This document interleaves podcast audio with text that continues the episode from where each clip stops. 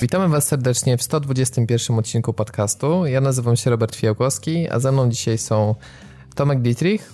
Cześć, powitać. Piotrek Modzelewski. Hej ho. I Szymonaka Greyfox. Dzień dobry wszystkim. E, dzisiaj z góry mówimy, że będzie dosyć e, nietypowo, bowiem newsów nie mamy za dużo, za to w grach e, całkiem sporo się uzbierało.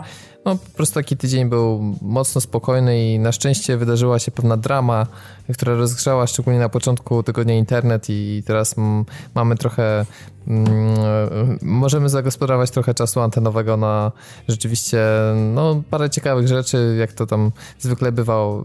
Część pozytywnych, część negatywnych, będzie o czym gadać na pewno. Mm, więc w sumie bez zbędnego przedłużania sobie e, przejdziemy. E, jeśli chodzi o parafialne, to tak. E, z, mówi, z góry powiem, że przed odcinkiem dyskutowaliśmy sobie trochę na temat tego, jak będzie wyglądała dalsza, przyszłość Pad TV, jak to będzie funkcjonowało. Natomiast nie chcielibyśmy się z góry wypstrykać ze wszystkiego, tylko po prostu powoli jakoś starać się to wszystko wdrażać, te nasze pomysły i potem na bieżąco z wami konsultować, co wam się podoba, co nie. Więc myślę, że to wszystko wyjdzie w planie. Jeśli chodzi o podcast, to mówiliśmy już w zeszłym tygodniu, że e, planujemy lekką zmianę formuły, czyli e, taki luźniejszy podział tylko na tematy i gry, które były przez nas ograne. No jeśli chodzi o czas, no to ulegnie on e, lekkiemu skróceniu, bo chcielibyśmy, żeby te podcasty się mieściły tak w przedziale 60-90 minut. Więc z takich rzeczy już z góry ustalonych to myślę, że jest tyle. Reszta to wszystko wyjdzie w praniu i jak macie jakieś pytania, to e, taki, taki, taki idealny czas na przejazd autobusem z domu do pracy na przykład. To chyba w Warszawie. no we wszelkich zakorkowanych No tak, w Białymstoku muszą iść na piechotę wszędzie, więc to odpada. No nie? wiesz, tylko kwestia jest taka, że na piechotę dotrę w 15 minut, a ty nie. W zimie raczej nie. No. Wiesz, słuchaj, w zimę się tutaj zalęgają spontanicznie niedźwiedzie polarne, można na nich jeździć, także ja nie widzę problemu, naprawdę. Można mieć miniona. Spoko, no. spoko. No, co kto lubi. My w każdym razie będziemy właśnie w takich. Wiem, że są pewne trendy w polskim podcastingu, które ostatnio jakoś tak poszły w kierunku bicia rekordów, jeśli chodzi o nagrywanie podcastów, ale my jednak postaramy się zostać przy tej bardziej zwięzłej formule i mam nadzieję, że nas zrozumiecie, bo e, też jakby jesteśmy trochę ograniczeni czasowo teraz, jak e, nie ma z nami regularnie Dawida, to e, spadło na nas też więcej obowiązków i musimy się po prostu ze wszystkim wyrobić, a chcielibyśmy, żeby jednak podcast cały czas był co tydzień w poniedziałki, tak jak do tej pory, więc no takie rozwiązanie właśnie kompromisowe. E, zaczniemy sobie od różności społeczności. E, tutaj się o takie konkretne komentarze, do których można było się odnieść tak dużo nie ma. Natomiast jest jedno pytanie do Grey Foxa odnośnie tego, czy w Forzie Horizon 2 są e, długodystansowe wyścigi. O to pyta Win Maciek. Nie wiem, czy dobrze czytam, ale właśnie pytanie z Twittera. Więc może po prostu od razu nie będziemy czekać, aż będziesz omawiał, więc od razu odpowiesz. I... Jasne, jasne. Niestety z przykrością, z przykrością muszę stwierdzić, Maćku, że nie ma takich długodystansowych e, przejazdów, ale znaczy jest, jest, że tak powiem, taki substytut mały, czyli są tak zwane wycieczki z miasta do miasta, które trwają tam około powiedzmy 10-15 minut, no zależy czym jedziemy jeszcze powiedzmy, tak? Mm, takie, takie wycieczki, e, które nie są nawet wyścigami tak naprawdę, de facto tylko chodzi o, o przejazd, podziwianie krajobrazów i, taki wspólny przejazd ze znajomymi na przykład online, ponieważ możemy jeździć online. Również te przejazdy pomiędzy miastami są wplecione w wątek fabularny i to tyle. Także no, czegoś na mm, powiedzmy takim kalibr, taki, takiego dużego kalibru na 45 minut, czy tam bardziej hardkorowe, jak już spotykaliśmy to w grach wyścigowych e, na powiedzmy całą dobę nawet, no niestety tego nie uświadczymy. No ale Forza Horizon, jak już będziemy e, później mówić jeszcze o tym, jest nastawiona na troszeczkę inne atrakcje. No ale dobra. Tak, tym, myślę, że jeśli oczekujesz e, takich długodystansowych, to powinno Cię zainteresować The Crew, o którym też dzisiaj trochę powiemy, więc e, obstawiam, że to jest ta gra, która duchowym spadkobierca test drive'a, a Forza Horizon to jest jednak trochę pewna inna wariacja i e, Zresztą tak. no, rozwinięcie, o czym już dyskutowaliśmy, pomysłu głównie z jedynki, więc e, jak ktoś e, grał w jedynkę i nie wie czego się spodziewać przy dwójce, no to to jest myślę dobry punkt odniesienia. E, jeśli chodzi o tematy, bo już do tego sobie przejdziemy, e, to tylko taka drobna uwaga, że Tomek jest chory, więc zostanie z nami dosłownie te paręnaście czy też parędziesiąt minut, w zależności jak się dyskusja potoczy mm, na temat Secret Service, o który właśnie sobie teraz powiemy. No i potem niestety nas opuści i będzie w przyszłym tygodniu, więc... Będę znikał. No niestety, ale mam nadzieję, że twoje gardło wytrzyma i, i powie trochę o tej dramie, która się rozegrała na początku tygodnia, bowiem w końcu doczekaliśmy się. Rekordowy polski projekt, który nam zebrał te 284 tysiące złotych, wreszcie został urzeczywistniony i jest efekt postaci e, magazynu w sklepach, e, w kioskach. E, pytanie też takie pierwsze, bo chyba o tym nie dyskutowaliśmy. Czy wam się w ogóle podoba okładka bo ja szczerze mówiąc jestem trochę zawiedziony, bo spodziewałem się czegoś, co bardziej będzie nawiązywać do starych czasów. I ta ogólna, dostępna dla wszystkich jest taka jakaś nijaka, bym powiedział. To znaczy, Dobra. zanim jeszcze ci odpowiem na twoje pytanie, sorry, że ci się tutaj wetnę, bo mhm. zapyta, znaczy powiedziałeś, że ten secret jest już dostępny i tak dalej, i tak dalej, wszystko pięknie, ładnie, e, tylko, że e, tak się zdarzyło akurat, że ja tego secreta wsparłem e, za kwotę tam ponad stówkę. No i y, niestety jedyny secret, którego mam w domu, to jest secret, którego kupiłem w kiosku. A to jest e, może właśnie ich tajny plan, bo niedostarczenie wszystkim, którzy wsparli i którzy są rzeczywiście wielkimi fanami i potem pobiegli do sklepu, no to jest jakby, wiesz, podwójna korzyść. No, tak, no, tylko wiesz co, tego tutaj, samego dwa razy. I wiesz co, tutaj właśnie zanim jeszcze zaczniemy o tym ro, o rozmawiać o samym sekrecie, to to e, już jest e, jeden hint, że coś, coś tutaj jest jakby nie tak. Jest w tym, że ja, mm, to znaczy, oni się na początku mówili, że będą tam wysyłać i tak dalej, y, i że będą go wysyłać y, do większości, większości wspierających w sobotę, y, przepraszam, w piątek, a do części jakiejś tam bardzo małej grupy miał pójść w sobotę. Po czym, jak się okazało, że w poniedziałek mało kto dostał, praktycznie nikt nie dostał, no to powiedzieli, że też do niektórych wysyłają z kolei w, wysyłali w poniedziałek. Po czym nagle się okazało, że niektórzy ludzie dostawali, tam to nie wiem, koło czwartku wyszło info, e, że dostawali paczki i data stempla była, był na przykład 1 października stempla pocztowego. E, więc już już tutaj się zaczął robić lekki smrodek. No ja jestem ciekaw, e, jaki stempelek będzie u mnie. No Normalnie właśnie, pewnie jest taka, olał. że no, poszedł masowy hejt, czy też no, zapytania po prostu, co się dzieje, zostałem wspierającym, e, dlaczego nie mam jeszcze swojego numeru Secret Service, skoro jest on dostępny w sklepach. I teraz tak, E, można się sporo doczepić, jeśli chodzi o komunikację, bo został wystosowany oficjalny komunikat, że fanpage Secreta to nie jest miejsce, gdzie mają być zgłaszane zażalenia, że ludzie chcą podyskutować o nowym numerze, a wy tutaj przychodzicie i zaśmiecacie Walla e, swoimi komentarzami na temat wysyłki i że to nie jest od nas zależne, problemy się zdarzają i w ogóle ogarnijcie się, takie posty będą usuwane. Słuchajcie, Taka właśnie tutaj, poszła ja, komunikacja. Słuchajcie, ja tutaj nie chcę stawać jakoś w obronie e, tego Secret Service'a, tudzież e, ludzi, ludzi, którzy go wskrzeszyli. Aczkolwiek, e, jak się nad tym zastanowić, e, być może są jakieś problemy logistyczne. No bo wiecie, drukarnia musiała wydrukować. I teraz są jakieś dane, ile osób wsparło ten, ten projekt?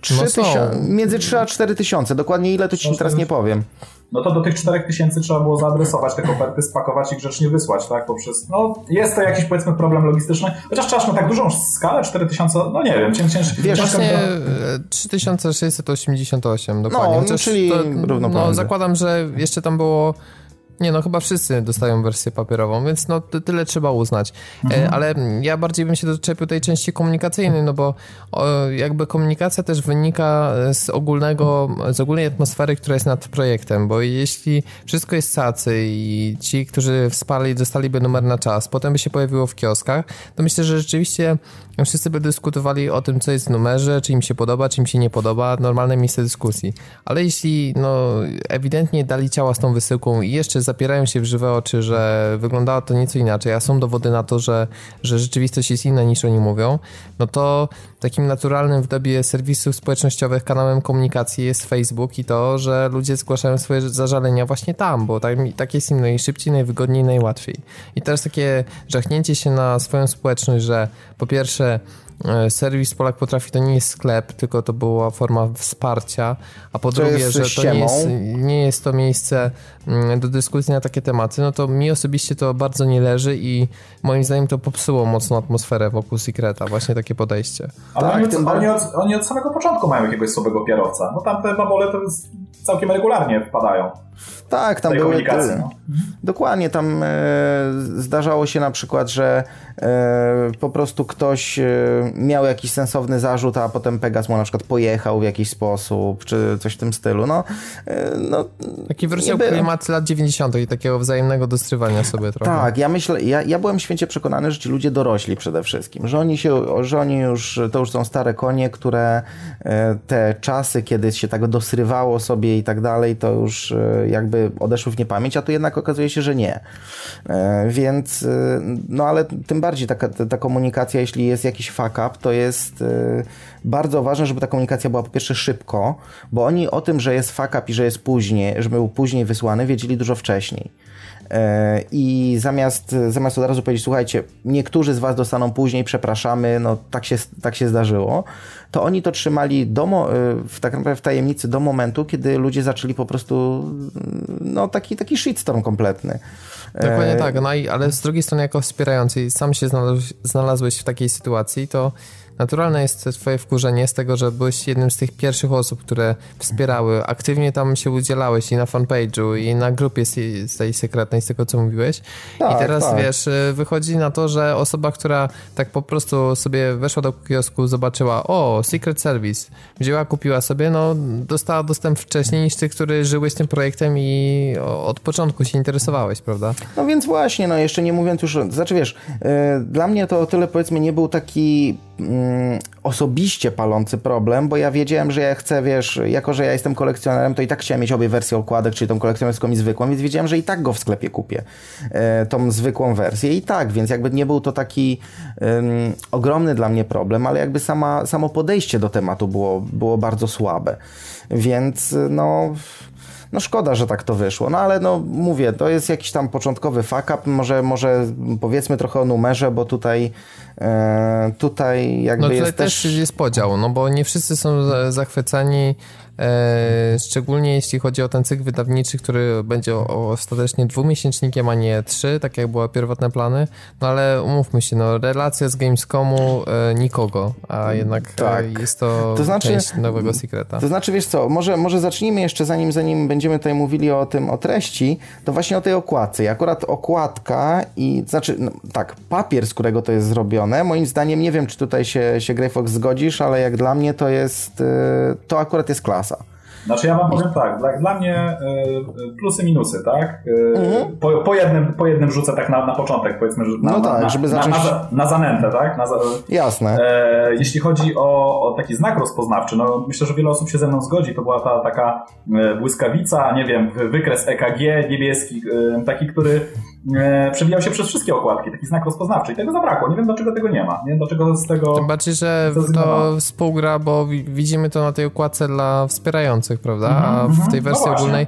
Poza tym jeszcze na Facebooku też była pewna drama, wy- wyciekła koncepcja graficzna jakiegoś innego studia, które przygotowało, która jest dosyć podobna, ale też e, to już jakby pomijając, bo oni tam e, nie roszczą sobie praw, e, powiedzieli, że dostali kasy i tak dalej, ale bardziej zwró- zwróciłbym uwagę na to, że tamta wyglądała bardzo fajnie, tak nowocześnie, a jednocześnie łączyła trochę mm, to z klasyką, natomiast ta dla mnie jest taka troszkę bezpłciowa i szczególnie Znaczy na tle innych znaczy, okładek chodzi- wygląda tak średnio moim zdaniem. Jeśli chodzi, jeśli chodzi o projekt graficzny, który przygotowali, no to rzeczywiście szału nie ma, mm, aczkolwiek.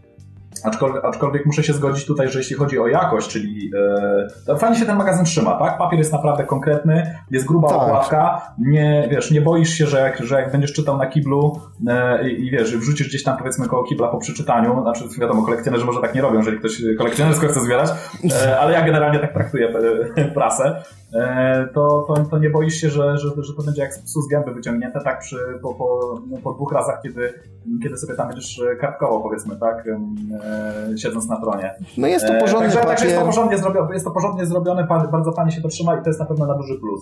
E, Sam koncept graficzny, tak jak mówiłem, brak błyskawicy i to, co zawarli na tej okładce, e, no spodziewałem się czegoś więcej. spodziewałem się. I nie lubię tak dużo napisów. Dla mnie wzorem jest Game Informer, gdzie potrafią tam mało. Ja wiem, że, w, że to jest kwestia walki poprzez okładkę w kiosku klienta i tak dalej, i tak dalej. Natomiast no, takim Times New Romanem to trochę wygląda jakby tam wrzucone te, te napisy, no nie jest to nowoczesne na pewno. Znaczy wiesz co, ja akurat y, powiem ci, że ja przepych na okładce lubię. Ja, ja akurat jak widzę okładkę taką kompletnie surową, y, to ja mam wrażenie, że takie czasopismo jest, jest takie zimne, takie E, właśnie bez, bez, bez jakiegoś tam, nie wiem, bez, bez jaj po prostu, bez, bez, bez, e, bez własnej tożsamości. No ale e, ta okładka jak dla mnie to jest takie, tak jak, tak jak cały Secret, czyli próbujący na siłę stać gdzieś w rozkroku pomiędzy tym, tą klasyką a nowoczesnością. Że niby coś tam w tej okładce jest już bardziej nowoczesne niż było, ale z drugiej strony te E, elementy, czyli właśnie taki, taki przepych graficzny, no to są jednak już jakby elementy, które dalej siedzą tam gdzieś w tych latach 90. I dla mnie to jest takie trochę, troszeczkę bez sensu. Tym bardziej, że jak widziałem wizualizację właśnie tej okładki klasycznej, tak jakby to wyglądało, gdyby Secret miał cały czas tą, tą oldschoolową, starą okładkę, e, no to, to mogło to wyglądać dużo lepiej. No ale no okładka okładką, zobaczymy też jak będą się kolejne, kolejne prezentować, bo ta pierwsza to, no, no wiadomo, te... No, no i wy, wy, wybór motywu, e, motywu na okładkę też taki trochę patriotyczny chyba przyznacie, co? Taki no tak, nasza, nasza polska produkcja, taki, no dość to oczywisty, że tak powiem. No wiesz, Chociaż ten ekskluzyw tak trochę śmieszy, prawda? No, tak, tak, tak, tak. I tutaj w zasadzie dochodzimy do treści o której mm, może najpierw ja się rzucę, rzucę kilka hasełek, bo skoro już rzuciłeś o recenzjach, to może. Bo ogólnie jest kilka, kilka powiedzmy działów i tego typu rzeczy, ale jak już poszły recenzje, to od razu powiem o recenzjach. Naprawdę ja nie wiem, po co oni te recenzje robili bo czytam, e, jeżeli słyszycie jakiś taki szelest kartek, to ja akurat sobie jeszcze raz przeglądam, żeby, żeby tutaj e, mieć na bieżąco, ale recenzje w Secrecie są kompletnie z czapy. Raz, że są krótkie. Oni mówili, że chcą zrobić czasopismo takie, w którym będzie dużo treści, dużo tekstu, a na przykład chociażby recenzja The Vanishing of Ethan Carter i to zaznaczę najlepsza recenzja ze wszystkich, które tutaj są, to tak na oko patrząc, dwie trzecie to są obrazki, jedna trzecia to jest tekst. Gdyby zebrać tekst z, z czterech stron, które ta recenzja zajmuje, to starczyłoby tak na niecałą jedną stronę, a cztery. Więc y, ogólnie jest, jest tak troszkę biednie, niewiele o, tej, o tych grach jest powiedziane.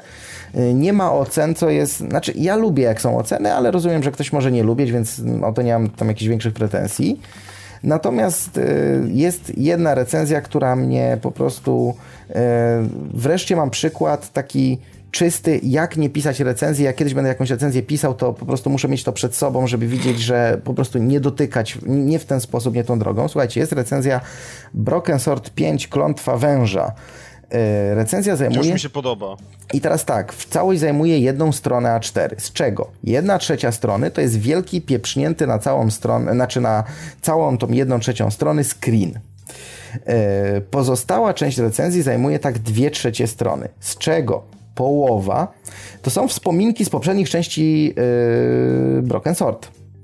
Po czym zostaje tak naprawdę połowa z jednej trzeciej, czyli tak naprawdę jedna szósta strony, na których jest opisana gra. Yy, I gra jest opisana po prostu w ten sposób, że no jest to point and click, więc wybierasz przedmioty i klikasz i w zasadzie to są statyczne tła. I tak w zasadzie to gra jest fajna i polecam każdemu spróbować. Koniec. Ale wiesz co, ja tutaj przepraszam, chciałbym tylko wejść, no. wejść, wejść dwa, dwa słowa, e, no. bo, bo, tu nie chodzi tylko o recenzję. E, e, tak naprawdę jest problem w ogóle z, z treścią mhm. pra, pra, praktycznie we wszystkich artykułach. Ja tutaj pozwolę sobie, ponieważ ja też mam te, ten magazyn właśnie przed, przed oczami, może e... czuję się biednie. Słuchajcie, za, zacytuję, zacytuję, zacytuję. Jest, tutaj, jest tutaj taki artykuł e, na ranczu George'a Lucasa, dosyć ciekawy, tak? Czyli facet... Tak, to się fajnie czytało. Tak, to się fajnie czy, czy, czytało, ale e, brakuje gdzieś takiego zamknięcia, tak? E, gdzieś tego do, dopięcia tego, co ten facet napisał, bo on tak fajnie zainteresował, fajnie zanęcił tym, co tam jest, ale brak jakiegoś podsumowania, brak, brak, brak jakiejś takiej kropki nad i to jest generalnie bolączka każdego z tych artykułów, które mm -hmm. możemy znaleźć w tym magazynie. Ja pozwolę sobie zacytu, zacytować, tak? Co, co gościu pisze tutaj w ostatnich linijkach. Nie będę może przytaczał kto, każdy, kto ma magazyn, to, to, to doskonale wie. Dokładnie. E, z trudem przechodzi mi podsumowanie tej wyprawy i z pełną odpowiedzialnością porzucam takową próbę.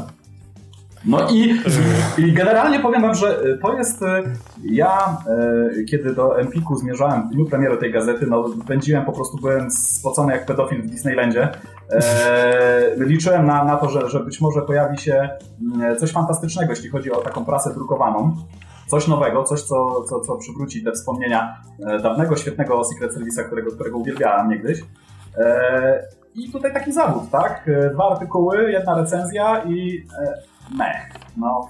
Dokładnie, a to jeszcze jak, skoro już le, najpierw lecimy z, z minusami, no to nie wiem, czy czytałeś, znaczy pewnie czytałeś felietony, które tam są. Hmm. I no nie wiem, nie, nie wiem jak ty to widzisz, ale jak dla mnie te felietony, oprócz może jednego felietonu naczelnika, czyli Piotra, Mańko, Piotr, Piotra Pieńkowskiego, one są kompletnie o niczym. Czytam. Taka mowa woda. Dokładnie. Na przykład czytam yy, felieton Borka, który był wcześniej w Top Secrecie i liczyłem na to, że coś tam sensownego się znajdzie. Ludzie tak też go chwalili. Ja wprawdzie Top Secreta tego pierwotnego jako takiego nie czytałem, więc nie wiedziałem, co ten gościu umie. Ale czytam tekst, który o dziwo jest mało grafiki, jest większość tekstu na ostatniej stronie. Tekst jest o tym, dlaczego ja nie umiem pisać i nie znam się na niczym. Tak, tak, tak, tak. I y, im, im dalej czytam ten tekst, tym bardziej autorowi wierzę. Mhm. Że rzeczywiście nie umie pisać, bo jest, ten tekst jest kompletnie o niczym, ja tak naprawdę tą stronę można by, wiecie, zamazać albo po prostu, nie wiem, walnąć zdjęcia gołych cycków i by na jedno wyszło. Odnosi się wrażenie, że w większości materiałów, który tutaj jest zawarty, wszyscy, wszyscy, którzy tutaj coś naskrobali, mm, starali się podejść tak bardzo zachowawczo, tak? Czyli nie mhm. starać, mhm. tak, e, nie starali się tutaj przenieść jakiejś takiej um, treści e, jakiej, jakiejś takiej ciekawej, może napisanej w wymyślny sposób i tak dalej. Wszystko było bardzo zachowawczo. Na zasadzie byliśmy na, na Gamescomie, było zajebiście. Koniec. Dokładnie. I. I tak dokładnie. generalnie, generalnie odnosi się wrażenie, tak naprawdę czytając każdą jedną stronę, tak? Znaczy no z drobnymi wyjątkami, tak? No bądźmy fair, z drobnymi wyjątkami, ale generalnie 90% magazynu właśnie tak wygląda. Jest zrobiona bardzo zachowawczo. Tak, jeszcze na przykład y, mm, tutaj jeden, jeden artykuł, pięć dziewczyn, które wpłynęły na historię gier. Ile razy ja tego typu artykuł czytałem, bo jak tak by sobie policzyć, to nie wiem, z 10, 15 razy, jak nie więcej. Czy jest Jade Raymond, czy nie ma? Y, Jade Raymond nie. Ale nie, tu chodzi, tu, tu, chodzi o bohaterki gier akurat. A, Lara Croft. No, no więc właśnie. Samus Aran. tak, więc y, na, natomiast, okay. natomiast to, co ja bym tutaj dał na plus, y, to akurat te teksty przekroją. Aha, jeszcze są wywiady, które na przykład z wizytą u Flying Wild Hawk. To nie jest akurat wywiad, tylko opisanie jak byli w studiu, jak y, chłopaki są fajni i w ogóle na luzie i koniec. Tyle. E, mniej więcej. E, albo tak sobie tutaj przekartkowując. E, no nie, na przykład całkiem pozytywnie, całkiem pozytywnie mi się czytało takie artykuły powiedzmy bardziej przekrojowe, czy na przykład e, historia serii Wolfenstein, Chociaż jak czytałem akurat historię serii Wolfenstein, to miałem takie lekkie déjà vu, dlatego że dokładnie taki sam artykuł zrobiłem do Gamera chyba dwa numery temu, więc tak to mówię, no dobra, no w porządku. Większość tutaj wiedziałem, ale na przykład e, bardzo fajny artykuł, gdyby nie jedna rzecz, czyli Śladami Sierry, napisany przez, przez Micza, gdzie... To jest tylko drobny problem, jeśli chodzi o fakty. W zasadzie nawet nie drobny, drobny. tylko taki... Delikatnie powiedziane. Delikatnie powiedziane. E, fakty typu to znaczy to już jest w ogóle jakiś, e, jakiś kompletny absurd i to się już po internecie rozprzestrzeniło, gdzie Mitch w pewnym momencie pisze, tylko czekajcie, znajdę, znajdę ten, e, ten fragment, bo nie chcę, nie chcę tego przegapić. E, gdzie to było? Gdzie to było? Teraz widzicie, akurat sobie nie, przed odcinkiem nie zaznaczyłem, a wiedziałem, że jak sobie nie zaznaczę, to oczywiście teraz będę E, teraz będę szukał na wariata i będzie mi pro, będę miał problem ze znalezieniem. E, mm, dobra, wiesz co, to e, mów dalej jeszcze, co, co tam myślisz, a ja ten fragment znajdę, tylko nie zaspoiluj jeszcze, ok? Mhm. No, Grey Fox, powiedz jeszcze, tak jakoś to, to może zanim Tomek jeszcze nie znajdzie, takie ogólne wrażenia, czy dla, czy dla ciebie jakby nostalgiczna wartość tego jest, y, dodaje w ogóle temu magazynowi na tyle dużo, że sięgniesz po kolejny numer, czy raczej i czy czujesz się w ogóle targetem, bo jestem też pytanie do was chłopaki, kto myślicie, że jest, jest e, właśnie grupą docelową tego odświeżonego Secreta, bo mm, przez te, przez te wszystkie opinie mam wrażenie, że to trochę ludzie, którzy też tak kiedyś się jarali grami, ale teraz nie mają do końca aż tak o nich pojęcia, więc są w stanie więcej wybaczyć, jeśli chodzi właśnie o takie bobole, które się tu i ówdzie pojawiają, czy nie wiem, płytkość tekstów, czy brak e, takiego szerszego podjęcia niektórych ale tematów. Ale Robert, ty to pięknie ująłeś, bo ja ci powiem, że to, to naprawdę czuć. Ja się spodziewałem właśnie, że to będzie magazyn zrobiony przez pasjonatów. Tak? Znaczy być może ci ludzie, znaczy być może, nawet na pewno oni tam w jakimś okresie swojego życia, e, mówię tutaj o, o, o, tych wcześniejszych numerach Secret Service'a, lat X wstecz, e, to byli pasjonaci, ale w tym momencie ja nie wiem, czy, czy ci ludzie się wypalili, czy oni się zajmują czymś innym, już w ogóle się grami nie interesują. Czuć ewidentnie, że te teksty, które są napisane, nie są pisane przez pasjonatów. Znaczy właśnie tutaj, tutaj jedno, jedno ci muszę wejść w słowo, bo to właśnie akurat nawiązałeś do jednej rzeczy, którą, którą, e, która jest moim zdaniem istotna. E, to, co się moim zdaniem w Sekrecie bardzo rzuca w oczy, to to, że e, ci właśnie tacy starzy wyjadacze spisali się tutaj najgorzej. Najlepsze teksty moim zdaniem są od autorów, którzy są z tego nowego pokolenia. Młode wilki, Czyli na, młode wilki się Tak, na, na, przykład bardzo fajnie mi się teksty yy, Zdana czytało, które na, na, przykład jak napisał o yy, teraz z perspektywy już dłuższego czasu o Canon Foderze, napisał o o czym on tam jeszcze ciekawy, ciekawym pisał. Oczywiście o Dungeons and Dragons napisał. Wiadomo, jak ktoś jest jakimś, nie wiem, mega freakiem i wie e, o tym wszystko, no to nic tam takiego specjalnie ciekawego nie znajdzie, ale jednak e, jest to napisane naprawdę z polotem, są tam jakieś ciekawe fakty, więc e, ja naprawdę nie wiem, czy najlepszym pomysłem było zbieranie aż tylu tych właśnie starych wyjadaczy, którzy owszem, kiedyś grali jak dzicy i pisali do tych, do tych czasopism, ale teraz widać wyraźnie, że z tymi grami już niewiele mają do czynienia. Ale wiesz co, to właśnie, to właśnie jest podejrzewam też e, jeden z głównych problemów, dlatego że zauważ, że Secret Service znaczy on bazuje na tych sentymentach, tak? Na tych mhm. graczach powiedzmy 30 plus, czy tam 20 parę plus, którzy jeszcze poczytywali stare, starego Secret Service'a i oni teraz w tym magazynie, znaczy w tym numerze, który się teraz ukazał, jakby wracają bardzo mocno tematycznie, właśnie te, te, te tematy, które tutaj podejmują, te recenzje, które są, te spojrzenie na te gry klasyczne, te, te, te stare mhm. e, e, i oni tego typu tematy przede wszystkim podejmują w tym Secret Service. Jeśli chodzi o nowość, znaczy ja powiem tak, ja nie wiem właśnie, kto jest do końca targetem, bo też nie e, bo to, co oni opisują, to my jako starzy wyjadacze, my o tym wiemy, my tutaj nic ciekawego, nowego się nie dowiadujemy, tak, my, my to przeżyliśmy, my mhm. to graliśmy i tak dalej, a z nowości tutaj tutaj no praktycznie nic nie ma, no bieda, no wieje, wieje nudą, no jest, no z nowości mamy recenzję Itana Cartera i, i co? Właściwie tyle. I nic. I kompletnie nic. I Właśnie tak, jest... jak, jak, jakby nawet przyszła jakaś gimba, tak, do sklepu, zobaczyła na półce Secret Service'a, o, nowe pismo o konsolach, tak, no to bierę, tak, bierę, to zobaczę, co to jest. Otworzy i nie znajdzie tam nic. Nie znajdzie tam żadnej, żadnej nowej recenzji, żadnej nowej gry, jakaś relacja z targów, które były już dwa miesiące temu. No właściwie tyle, no. I to wiesz, gdyby relacja, gdyby im się na przykład na tych targach udało dotrzeć do jakichś ludzi, od których by jakieś super informacje, jakieś tak, mega które, ekskluzywne. Tak, które no to może być oni, tak, tak, tak. No. Dokładnie, ale nie, to jest relacja na zasadzie, o, chodziliśmy, było fajnie, tutaj widzieliśmy dużo stoisk, tutaj jakieś hostesy, tutaj jakieś coś i koniec. No, tak naprawdę, czyli to, co mogę, może, mogę sobie zobaczyć, włączając pierwszą lepszą relację na YouTubie z tego.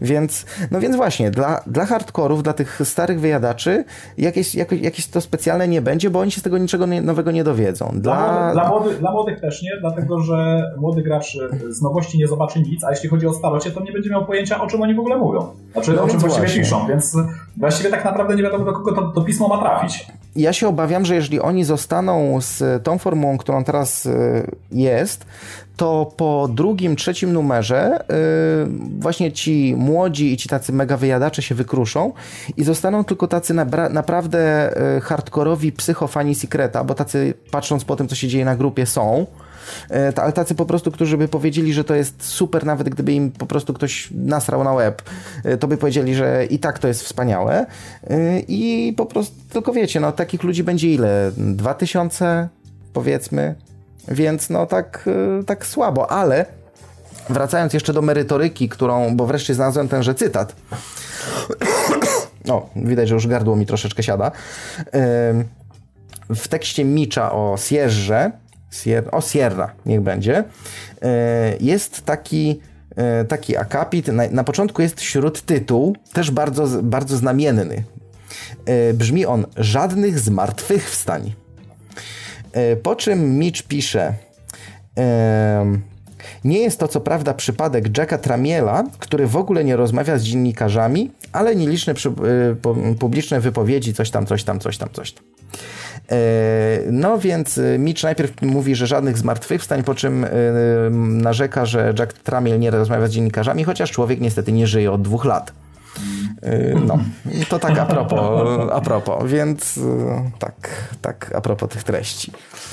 No. no, nie jest, nie jest za ciekawie. Nie jest za ciekawie i zobaczymy, Ale... co się zmieni. Ja powiem wam, że e, w ogóle bardzo śmiesznym posunięciem by było tak, podejrzewam, że, że mogą coś takiego zrobić, tak? I to by było z jednej strony bardzo zabawne, z drugiej strony być może przedłużyliby sobie jakoś żywot i kto wie, czy nie wpadną na pomysł e, dodania e, płyty z jakimiś ciekawymi zawartościami.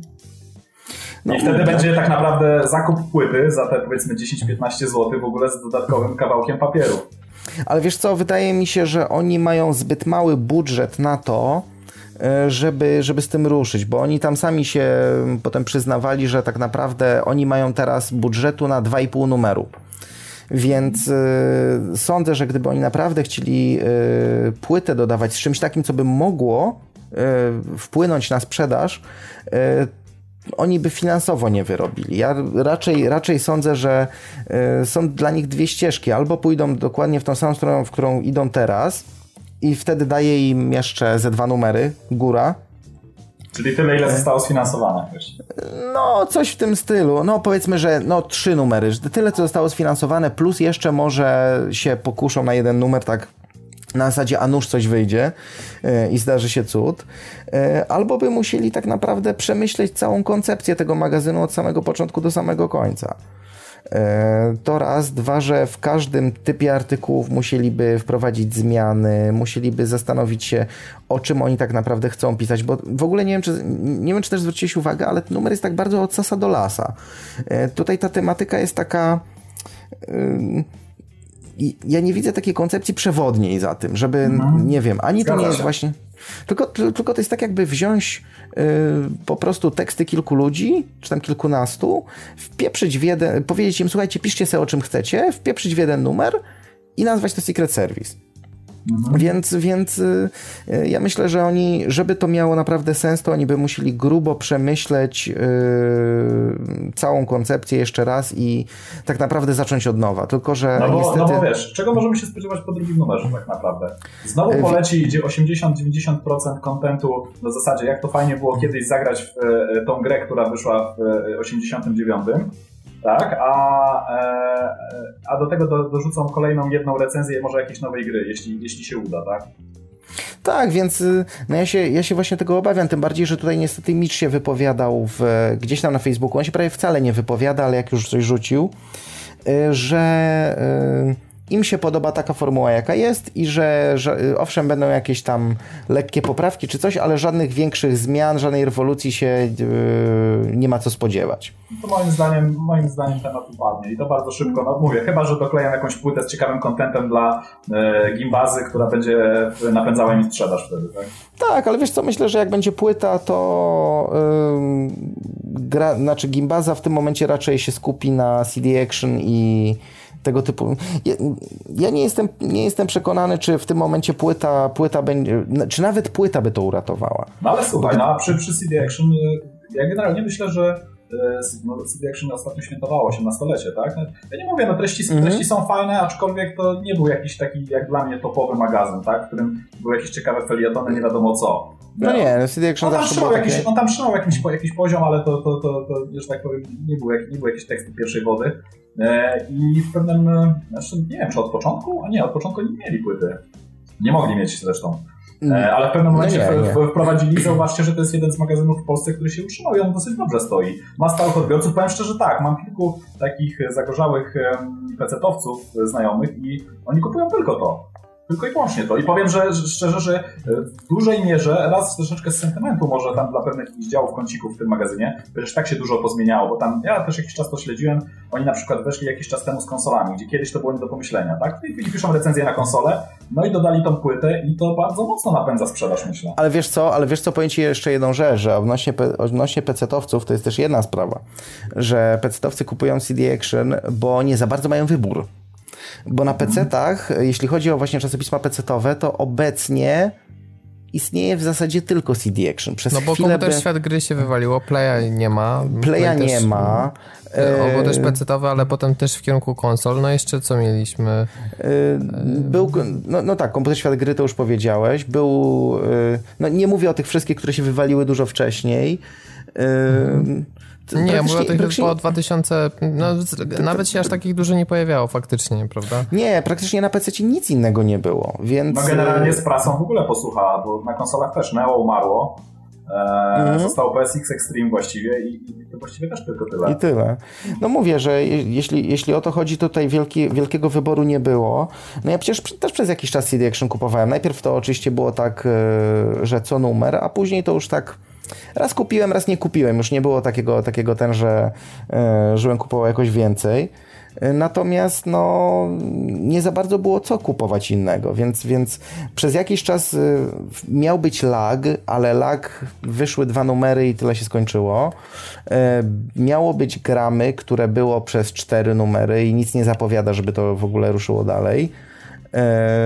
To jest to, jakby sobie poradził Secret Service, gdyby wystartował pod nową marką, no to macie odpowiedź. Właśnie gramy. Tak. Albo to raczej znaczy, nie, nie, gramy. Wiesz co, to znaczy z gramy tutaj, ja oczywiście za dużo mówić nie mogę, ale ja bym powiedział, że to nie jest kwestia, to nie była aż tak bardzo kwestia sprzedaży.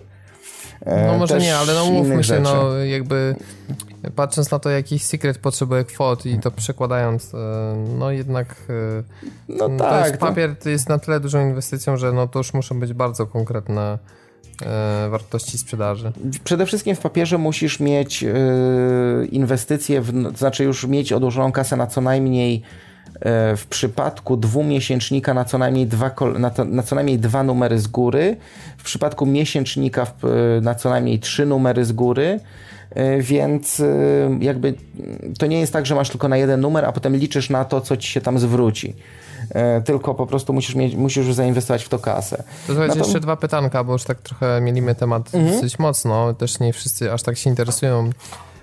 Pytanie jeszcze takie, czy jak sądzicie, Y, dacie radę wytrzymać, jednak zakładając, że chcecie sprawdzić kolejne numery aż tam, nie wiem, do końcówki listopada, czy, czy po prostu to jest model, który się nie sprawdzi? No bo z jednej strony mówią, że a, wszyscy zdążą przeczytać artykuły, no ale jeśli one nie są aż tak interesujące, to może zapomnisz w ogóle o tym sekrecie, zanim Wiesz się pojawi co, ja, ja artykuły przeczytałem w ciągu dwóch dni, więc y, akurat gadanie to, co oni mówią, że dwa, że dwa miesiące, bo przy, zdążysz przeczytać artykuły, to jak dla mnie jest troszkę, troszkę bzdura. Y, tak samo jak to, że numer kosztuje 14,50, żeby nawiązywać do pierwotnej ceny 14 500 zł. No więc no to jest tak troszkę, mówię, trochę ściema, no ale no jakkolwiek. Znaczy ja wam powiem, że to jest w ogóle dziwne, dlatego że ja w Empiku kupiłem zadychę. Nie wiem właśnie, właśnie Empiki, Empiki miały chyba, bo ja też widziałem właśnie z kilku innych źródeł, że Empiki miały chyba źle cenę ustawioną, yy, tylko nie to, że źle wydrukowaną, tylko źle ustawioną w kasie i w Empiku tak, wszystkie chodziły za dychę. Odpowiedzieć, yy, Więc... odpowiedzieć na e, twoje pytanie, Robert, to wydaje mi się, że cena, nawet jeżeli to będzie te 14, tam 15 zł, załóżmy, tak, na, za kolejne jeszcze dwa numery, które wyjdą, może trzy, to ja to i tak kupię, tak, po prostu i tak nie ma nic na rynku, nie oszukujmy się, no. Można kupić, zobaczyć, zerknąć z ciekawości, to nie, jest to nie są jakieś tam ogromne pieniądze, ale czy ja będę kupował to na dłuższą metę, to znaczy jeżeli to przetrwa, tak, jakoś ten projekt jednak, nie wiem, pójdzie o ten krok dalej, będzie, będzie, miał, będzie poczytywany w, powiedzmy w takiej ilości, że, e, że oni wypuszczą jeszcze, nie wiem, 10 numerów, E, jeżeli będę się czuł znudzony po tych trzech numerach, e, to myślę, że, że, że dam sobie spokój jednak, bo ale widzę, widzę, że tutaj masz chyba tą samą zasadę co ja, czyli dajesz trzy numery, a potem zobaczysz, znaczy, tak, trzem numerom szansę, a potem się zobaczy. Cały czas szczególnie, że, że nic na rynku nie ma, tak? Ale jeżeli ja się wynudzę przez trzy numery, ja powiem wam szczerze, że ja tego pierwszego numeru jeszcze nie skończyłem. Ja się czuję znudzony, tak? Przeczytałem połowę i się czuję znudzony i, i te, te takie powybierałem sobie na rzeczy, które wydawały mi się interesujące, ale na których się niestety tak zawiodłem. Jeżeli ja będę czuł to znudzenie przez kolejne trzy numery, to no to odpuszczę. No. A jeśli, jeśli, jeśli zacznie się poprawiać w drugim, trzecim numerze, ja za... to może się skuszę na, na, na kolejne. I tak, tak, takie, że tak powiem, mam postanowienie na dzień dzisiejszy. Ja założyłem w ten sposób, że tak, pierwszy numer to jest, bo na przykład tak jak mówiłem, że na przykład są nie jakieś tam felietony o niczym. Ja zakładam, że tutaj część tekstów y, mogła być taka, takim wstępniakiem, takim wprowadzeniem do klimatu jakby czasopisma, czy coś w tym stylu, na zasadzie y, chcemy wam przywołać was tą nostalgię i tak dalej, i tak dalej, więc y, tak to może wyglądać. No okej, okay, może oni się dopiero wprawiają, może, może jeszcze nie mają feedbacku, znaczy już teraz mają, ale wtedy nie mieli, więc, y, więc, więc y, nie wiedzieli do końca, w którą stronę iść. Natomiast tak, teraz feedback mają. Jeśli chodzi o drugi numer, to jeszcze daje im taki kredyt zaufania troszkę, dlatego że, dlatego, że wiadomo, że oni już tak naprawdę już muszą nad tym numerem pracować, bo jednak wydanie numeru to jest wiadomo, ustalenie tekstów, y, zebranie tych tekstów, korekta, y, złożenie tego, zmontowanie, drukarnia, no to, to jest naprawdę kupa roboty. Więc oni wielu zmian, jeśli chodzi o drugi numer, to ja, się, ja też jakiejś wielkiej rewolucji nie oczekuję, bo oni na tą rewolucję nie mają po prostu jeszcze czasu. E, żeby się po prostu wyrobić, e, wyrobić tutaj właśnie w tych, w tych datach. Natomiast e, trzeci numer, jak dla mnie, to jest już numer, w którym będą mieli pełny feedback, będą mieli już wiedzę z, z tych całych czterech miesięcy, będą mieli czas na wprowadzenie tych zmian. Jeżeli trzeci numer zobaczę, że nie będzie jakiej naprawdę takiej ostrej poprawy, no to po prostu czwartego już nie kupię. Bo to, okay, to nie będzie miało sensu. pytanie, czy chcecie poruszyć ten temat, e, bo jeszcze tam się pojawiła pewna drama i to w sumie zostało i tak już wszędzie mhm. przyklejone, więc nie jest to tajne w związku z oceną chmielarza tego Secreta. E, czy pojawiły się jakieś reperkusje? Rzeczywiście tam, tam się mocno zagotowało, tak jak e, to słychać po internecie? To znaczy, to ja ci, skoro i tak, skoro wypłynął tekst chmielarza i na chmielarzu są psy, psy wieszane za to, to może powiedzmy, co, co Micz na to odpowiedział czyli naczelny Secreta. Na, A, zamiast... Ja tylko powiem e, dos, no. dosłownie dwa zdania, co powiedział Chmielarz, żeby jakby no, e, też było... Generalnie, no tak, tak, tak, jasne. Generalnie... Zjebał jak burą sukę, mówiąc krótko. Gdyby nie fakt, że, nowy, że to nowy Secret Service, pismo powędrowałoby do śmietnika gdzieś około 15 strony. I myślę, że to wszystko to, co to jest początek, ale on dobrze oddaje to, co zostało po prostu dalej napisane. Jak chcecie, to bez problemu znajdziecie ten wpis w internecie. Tak, ale więc... co e, ciekawe, i tutaj chcę to zaznaczyć, e, post chmielarza był tak długi i tak wyczerpujący, zaznaczam nie to, że po prostu lanie wody, tylko tak wyczerpujący, że bił na głowę większość, większość tekstów w Secrecie. Sam post krytykujący Secreta. To jest raz. Druga Może sprawa jest... Może chciał tam się dostać. To też tak Druga jest... Ale słuchaj... on pisał, no to nie wiem. Słuchaj, słuchaj, dostać się chciał. Jak była, było zapytanie, kogo byście widzieli jako e, tego, e, jako felietonistę w e, Secret Service, to jako pierwszy oczywiście był Gulasz, którego wszyscy chcieli, a jako drugi to był Adrian Chmielarz wspominany cały czas więc y, on tam był bardzo pożądany w tym sekrecie przez, przez czytelników. No, ale jakkolwiek by było, to jakby Chmielarz rzeczywiście zjechał jak burą sukę Secreta i to, ale zjechał celnie, wypunktował co, jak, dlaczego, wyargumentował. Y, naprawdę trudno by się było przyczepić do argumentów, które dał. Z chociaż, kolei chociaż, ty... wiesz co, chociaż z, no, no. z drugiej strony zastanawiam się, czy taki, czy taki rage jest w tym momencie potrzebny tutaj, no bo tak naprawdę nie oszukujmy się. Secret Service można było określić um, takim jednym jednym wyrazem nudy. No to jest po prostu nudne. Czy, czy nad nudą warto aż tak, że tak powiem, polecieć z Rage'em? No nie, nie wiem, czy jest to tego warte. No. To znaczy, wiesz co, y, moim zdaniem w pewien sposób jest, dlatego że on y, jakby był, bo wiesz, jeżeli na przykład widzę, że ktoś mówi o sekrecie, a słuchajcie, to jest beznadziejne i w ogóle dajcie ze spokój, to ja tak mówię, no dobra, ale stary, powiedz coś więcej, jeżeli już, jeżeli y, jakby chcesz, chcesz to skrytykować, no to powiedz coś więcej. Natomiast Chmielarz zrobił fajną rzecz, bo on rzeczywiście więcej powiedział i można powiedzieć, że on się przyłożył do tej krytyki, rzeczywiście uargumentował to, czyli jakby w ogóle nie trzymał tego poziomu internetu, tylko starał się wejść na ten poziom trochę wyżej, żeby... No i żeby jakie to krytyka- reperkusje tam miało potem? Re, znaczy reperkusje, właśnie to jest, to jest najśmieszniejsze, że w tym momencie w, y, odpowiedział mu, y, najpierw mu odpowiedział wydawca, czyli, czyli Łapusz, Robert Łapiński. I on powiedział, że rzeczywiście krytyka miażdżąca, ale y, przyjmuje na klatę i tak dalej, i tak dalej. Bardzo kulturalnie w porządku.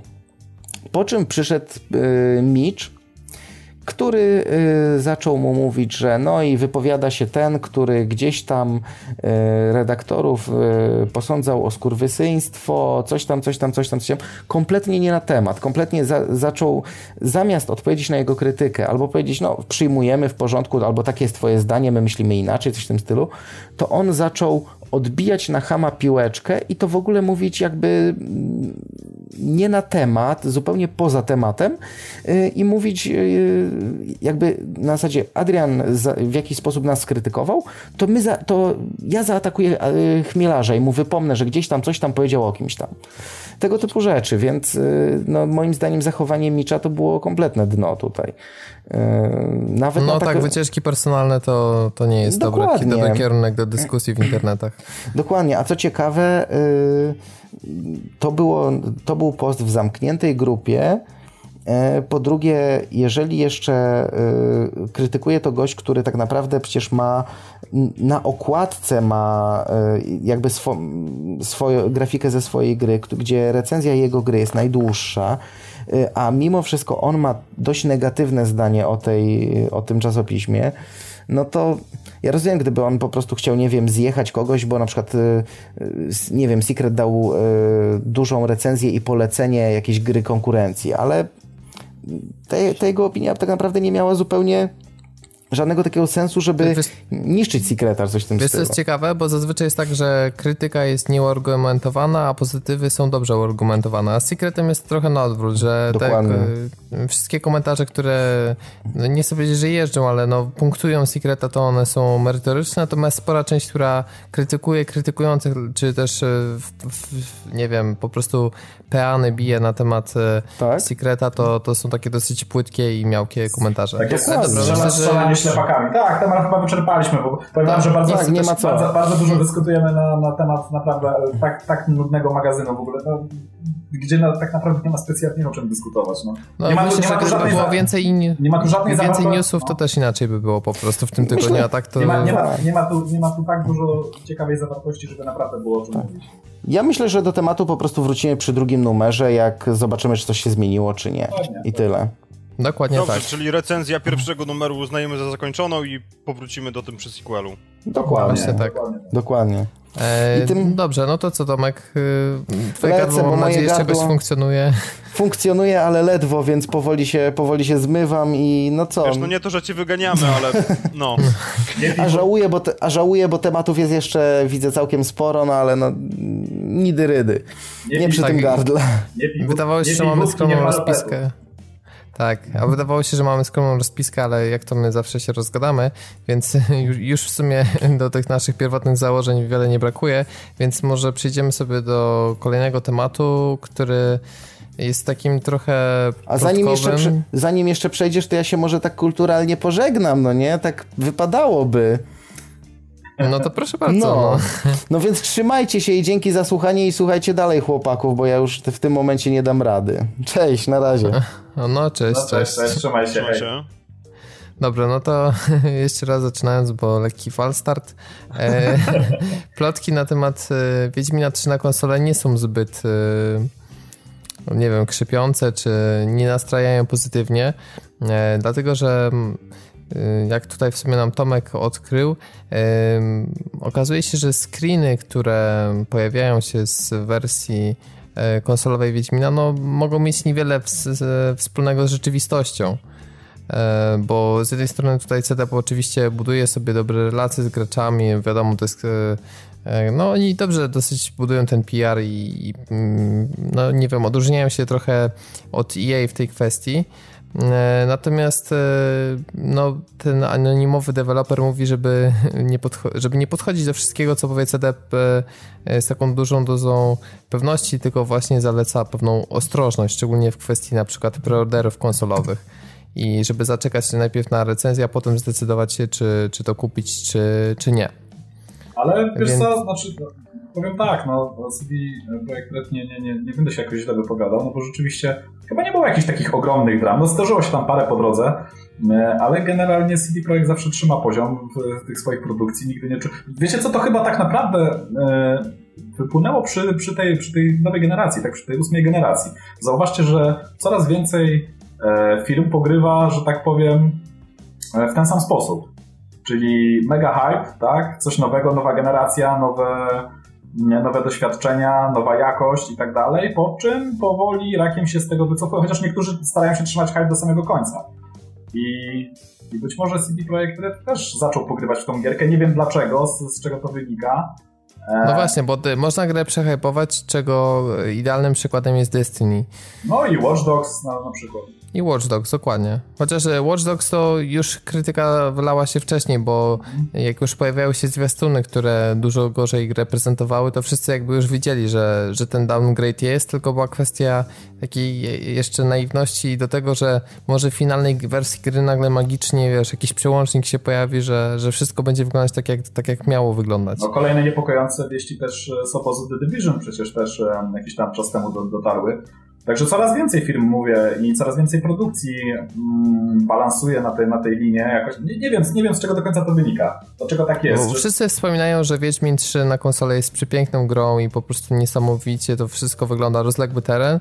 I może się niestety okazać, że będzie to gra, która no, nie robi takiego wrażenia jak dwójka i zresztą i też jakby oceniając to wszystko na chłodno, to no, i ciężko nie dojść do takiego wrażenia, że mm, Wiedźmin ma zadatki na grę nierówną w pewnym sensie, dlatego że mhm. tworzenie tak ogromnego świata, jak, jaki, na jaki się porwali, no i, i, może ja odczekam te słowa, już któryś raz to wspominam na podcaście, ale naprawdę ja wolę bardziej zamknięte, może nie liniowe struktury, ale takie kilka mniejszych sandboxów, tak jak na przykład z podziałem na akcje to było świetnie dla mnie rozwiązane w poprzednich Wiedźminach, niż e, tworzenie jednego ogromnego świata, dlatego że no, siłą rzeczy nie da się tego w taki sam sposób wypełnić jak nieco bardziej liniowej rozgrywki. No, no po prostu się, się, nie da. Mhm, A poza tym jednak grafika też musi ucierpieć. Nowe konsole też nie są z gumy, nie mają jakiejś niesamowitej mocy obliczeniowej. W związku z czym na pewno kompromisy będą, bo przy każdej grze z, otwartej, z otwartym światem one są i i muszą być. I ósma generacja tutaj nic absolutnie w tej kwestii nie zmienia, a czasami mam wręcz wrażenie, że, że pogłębia się ta różnica pomiędzy grami liniowymi a z otwartym światem. Wiesz co, to wygląda trochę tak, jakby te studia deweloperskie miały takie naprawdę na, na pełnym przepychu, wiesz, PC Master Race w ogóle, na których e, te, tworzą, e, tworzą te gry. Po czym tworzą jakieś powiedzmy reklamówki w międzyczasie, pokazują, chcą się pochwalić z, tą, z tymi swoimi tytułami, napędzają ten hype E, po czym zaczynają to deweloperzy przerzucać na, e, na te maszyny ósmej generacji i e, okazuje się, że, że, że niestety no muszą tymi suwaczkami zjechać dość ostro, tak? A to z jednej, z, z, tam, a to z grafiki, z, z, takiego aspektu grafiki, a to z cieni, a to z oświetlenia, a to z czegoś innego. I zjeżdżają, zjeżdżają, zjeżdżają, aż w pewnym momencie zostają w dupie, bo okazuje się, żeby gra chodziła w miarę płynnie przy tak rozległym świecie, przy wszystkich założeniach, które wprowadzili, no, okazuje się, że ten sprzęt y, docelowy jest y, troszeczkę za słaby, tak? I to, co... No właśnie, a takie były, słuchaj, plotki, z, czy jakieś doniesienia z tworzenia Wiedźmina trzeciego, właśnie, że jak po raz pierwszy uruchomili gry na PS4, no to tam 15-10 klatek, coś takiego, to tak, tak, tak, tak. nie mówiąc już o Xboxie, który wymaga jeszcze więcej o, optymalizacji. to w ogóle się posypało. ta gra nie chodziła na Xboxie pierwotnie i tam musieli sporo. No więc, więc e, no zobaczymy, jak to będzie.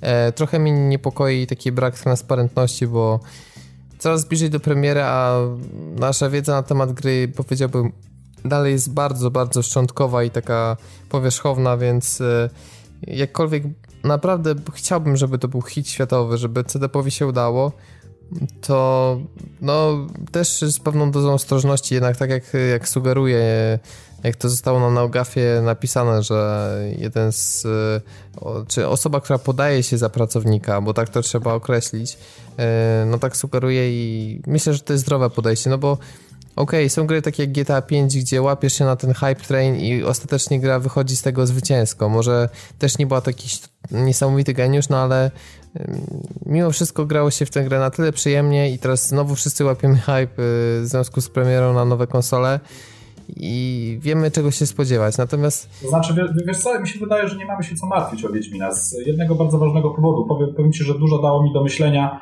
kiedy było jeszcze mniej, o wiele mniej informacji. E, sytuacja, e, kiedy byłem na Gamescomie w 2013 roku, e, tam też stanowisko było CD Projekt, można było tak naprawdę zobaczyć tylko trailer, dostać koszulkę z Wiedźmina 3 i zrobić sobie zdjęcie z takim ogromnym trolem tam przygotowanym właśnie na, na, na, na potrzeby tej reklamy. I co muszę stwierdzić, tak? Po pierwsze, 90% osób poruszających się po targach chodziło w koszulce z Wiedźminem. Druga sprawa, w kolejce, kiedy zagadywałem ludzi, no głównie Niemców, tak, ale tam również, również i przyjezdnych z innych krajów, wszyscy zgodnie mówili, że w temacie takich RPGów to, to, to do tej pory, do, do kiedy nie wyszedł Wiedźmin II, Prym wiedział, wiódł Mass Effect. Wszyscy zgodnie to przyznali, a odkąd wyszedł Wiedźmin drugi, drugi, wszyscy są zakochani. Niemcy to w ogóle szaleją, tak? To jest gra, na którą e, wszyscy czekają, wszyscy zacierają pięty i powiem Ci, że ten downgrade graficzny, nawet jeśli będzie jakiś tam, może nawet znaczny, tak? Od tych pierwszych materiałów, które widzieliśmy, od tych, od tych przehypowanych, to gra i tak się fantastycznie sprzeda. No, no bo, tak, no, no należy im się, bo, bo na przykład Wiedźmin 2 jest świetną grą, która niestety z takiego sukcesu sprzedażowego aż nie odniosła. Mhm, mhm. Tak, tak, tak. Szczególnie tej wersji na 360, gdzie tam wyszło tylko, nie wiem, między 250 a 500 tysięcy kopii, co dla mnie był skandal, bo port tej gry technicznie też był dopracowany niesamowicie i byłem w szoku. No tak, ale, ale, ale, ludzie, myślisz... ale ludzie generalnie zakochali się w marce, nawet ludzie, którzy nie znają, że tak powiem, twórczości Sapkowskiego, tak? ale zakochali się w świecie, zakochali się w bohaterze. E, jest naprawdę rzesza już e, wyznawców wręcz tej marki i masa osób czeka, także myślę, że mimo jakiegoś tam downgrade'u tego graficznego, i tak głównym motorem napędowym będzie ten świat, ten, ten bohater, ta historia, która tam będzie opowiadana i to na pewno będą mocne aspekty. Tutaj nie sądzę, że, że CD Projekt um, da ciała. Także, także to, że tam powiedzmy będzie chodzi, gra chodziła w mniejszej ilości klatek, czy tam będzie gorsze oświetlenie, czy, e, czy może nie będzie aż tyle detali, jakimi nas czarowano do, do, do tej pory w tych wszystkich przehypowanych tam jakichś zapowiedziach, e, gra i tak się dobrze sprzeda. Ja myślę, że nie mamy co się martwić. No nie wiem, ja się dalej boję, prawdę powiedziawszy. Znaczy ja się boję, bo dla mnie, e, wiesz, e, sprzedaż gry nie jest wyznacznikiem. Ja chcę po no prostu dostać świetną grę tym, i o to się boję. Poza tym kwestia jest jeszcze tego typu, czy oni czasami, bo no nie oszukujmy się, że CDEP jest deweloperem PC-owym i tak na dobrą sprawę ten ukłon w stronę konsol to no nie wiem w sumie, czy jest podyktowany chęcią zysku po prostu, czy czym innym. Natomiast, no właśnie tak jak Robert wspominał tej transparentności, tak, że początkowo mieliśmy właśnie oświadczenia różne i tak dalej, i tak dalej. Natomiast z czasem po prostu to wszystko zaczyna przybierać coraz gorszy obrót, ponieważ nawet ten sam fakt, że jakiś czas temu usłyszeliśmy, że wersje na obydwie konsole nie będą miały jakichkolwiek bajerów, które będą typowe dla nich, e, które są w stanie udźwignąć, to, to się kompletnie po prostu spiera z tym, co chociażby założyciel CDP mówił w wywiadzie dla Eurogamera bodajże, że oni postarają się wymaksować każdy sprzęt. Ja rozumiem, że po prostu zdarzają się takie sytuacje, kiedy e, jakby i budżet i czas po prostu nie pozwalają na to, żeby każdą konsolę właśnie dośrubować do końca, ale w momencie, kiedy po prostu zaczynamy słyszeć takie, takie dostajemy takie sygnały właśnie o tych downgrade'ach i tak dalej i o tym, że teraz ten cały gameplay, który się pojawił jakiś czas temu, nagle się okazuje, że pochodzi z wersji PC-owej, no to no nie wiem, nie podoba mi się to po ale, prostu. Ale, ale, mi się to ale nie podoba. jedną rzecz, czy to nie jest trochę tak, że, że rzeczywiście no mamy jakieś pewne obawy, tak? No, coś, tu, coś, coś tu śmierdzi ewidentnie, coś tu śmierdzi, ale um, kiedy przyjdzie ten dzień premiery i, i pomyślicie sobie, kurde, gra jest już w sklepach, jest ten długo oczekiwany Wiedźmin, nagłośniany już kurczę przez tam dwa lata, czy, czy, czy, czy nawet więcej, nie skusicie się mimo wszystko? Wiesz co, mi się wydaje, że tutaj też bardzo dużym wyznacznikiem będzie po prostu to, jak celeb i wydawca, ktokolwiek nim jest tak na dobrą sprawę, bo jakoś akurat w tej chwili nie, no, nie pamiętam, przepraszam. E, wydaje mi się, że dość dużym wyznacznikiem tego będzie to, jak zostanie potraktowana sprawa embargo, bo jeżeli będziemy mieli po raz kolejny po prostu kolejny tytuł, e, który, którego embargo na recenzję będzie schodziło w dniu premiery, no to, no nie wiem, to, to, to będzie śmierdziało jeszcze no bardziej tak, wtedy, tak, bo jeżeli... Mhm jeżeli po prostu nie będą się bali tych opinii, jeżeli ta gra rzeczywiście będzie na tyle dobra, że po prostu powiedzą ok, recenzujcie i wrzucajcie nawet tydzień przed premierą, to będzie świadczyło, że są pewni tego, że jednak ta gra działa, no i będziemy mieli też materiał od recenzentów, tak? Nie będzie tylko i wyłącznie to, co, to, co będzie chciał CDF nam może powiedzieć. Dobrym, Więc może no... dobrym ruchem byłoby tak naprawdę ze strony CDP-u wypuszczenie dema, nie wiem, w styczniu.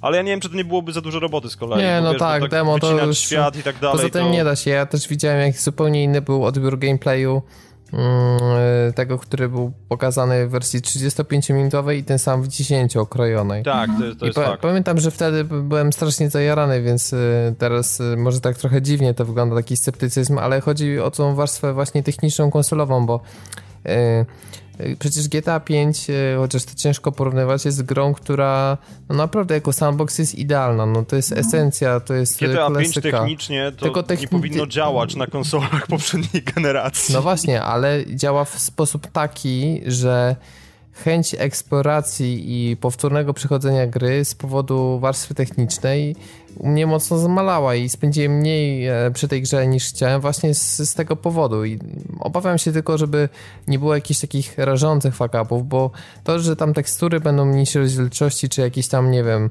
shimmering, czy jakieś rozmycie e, gdzieś tam w tle, no to nie ma dramatu, ale żeby ta gra po prostu, nie wiem, nie, nie wywalała nam się, nie, nie miała jakichś żeby błędów. Żeby nie raziła, tak? O to chodzi, żeby, żeby nie klatki nie spadały dramatycznie, nie wiem, loadingi jakieś nie, nie przedrażały, no o to nam chodzi, więc jakby sama jakość grafiki, wiadomo, że gry RPG zawsze e, wyglądają trochę gorzej niż inne gatunki, chociażby slashery czy gry akcji. E, I dwa, że no, otwarty świat zawsze też się wiąże z jakimiś tam kompromisami. No tak, tak. Zgadza się. Ale takie płynne przejście, duże kompromisy zostały zrobione na pewno w Pro Evolution Soccer 2015. O Jezu, to olbrzymie kompromisy. Ogromne. I dlatego i wersje na Xbox One rzeczywiście są wyjątkowo ogromne, bowiem to jest gra, która nie działa nawet w 900p, a w 720, co chyba jest rzadkie, nawet jak na Xboxa, bo... No wiecie, no ale jest 60 klatek. Ale, tak? to, nic, ale to nic nie zmienia, powiem wam. Ilość klatek, ilość nie, klatek nic nie zmienia, ponieważ ta gra i tak jest po prostu beznadziejna, no. No właśnie. Znaczy, może inaczej, ja nie, ja nie grałem, e, bo mnie piłka nożna.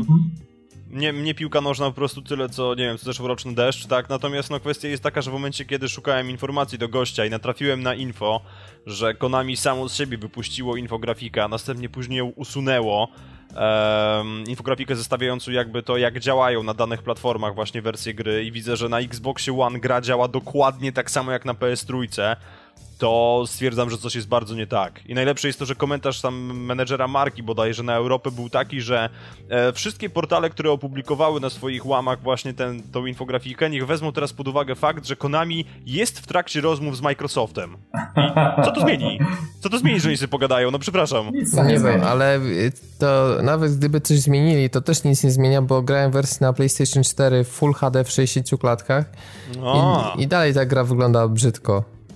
Znaczy ona jest brzydka i drętwa i sztuczna i niegrywalna i nie wiem. W zasadzie nie potrafię... Znaczy, wiesz co, tu akurat będę trochę bronił, bo jeśli, bo tak płynnie sobie przejdziemy właśnie do gier, trochę do, do tego DMK PS-a, e, wiesz co, moim zdaniem ona potrafi wciągnąć gameplayowo, natomiast y, ma w sobie, jest, jest jakby tak, te elementy, które są dopracowane, one są świetnie zrobione, natomiast te, których nie wzięli się za, nie wiem, lepsze właśnie, nie wiem, opracowanie czy kwestie wyszlifowania pewnych elementów, to one strasznie po prostu dają ciała.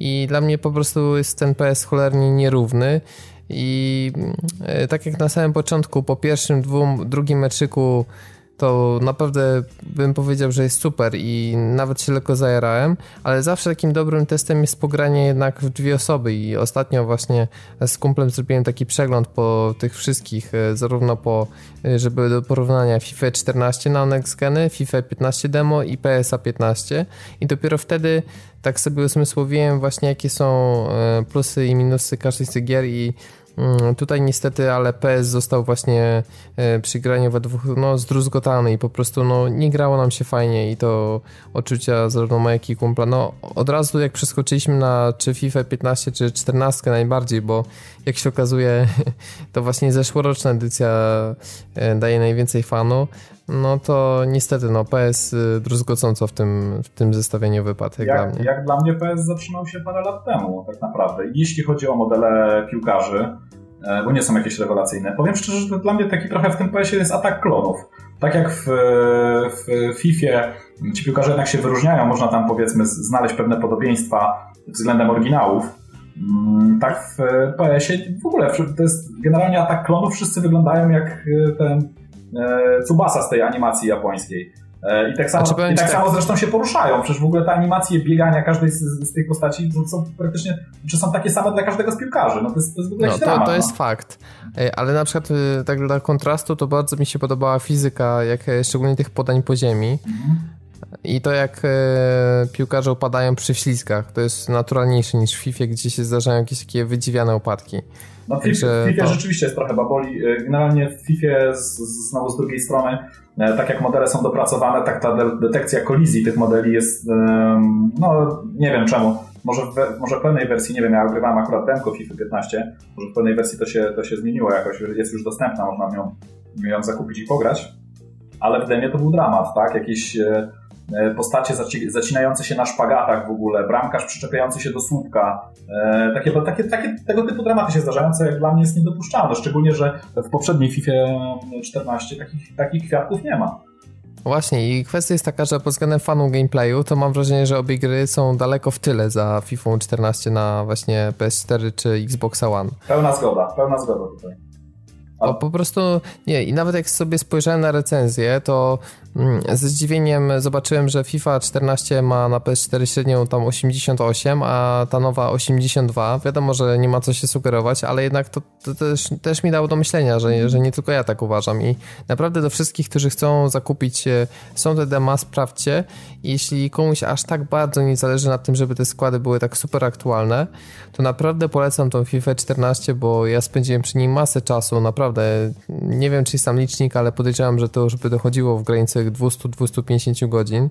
I naprawdę jest to absolutnie godna nowej generacji gra piłkarska. A w tych nowych, no, są jakieś takie zarówno w FIFA i PS elementy niedopracowania, które no po prostu... Tak, sprawia, no. sprawia wrażenie, jakby tak były zrobione, znaczy FIFA 15 sprawia wrażenie takiej zrobionej troszeczkę na, na szybko, na kolanie. Nie, nie wiem dlaczego. Właśnie jest dużo błędów, które jakieś, nie wiem, nie zostały przetestowane, nie, nie mam pojęcia. A w zasadzie Sinnowa... Poza tym mi się nie podobają pewne zmiany, że dribbling został trochę podkręcony mocniej, więc mm.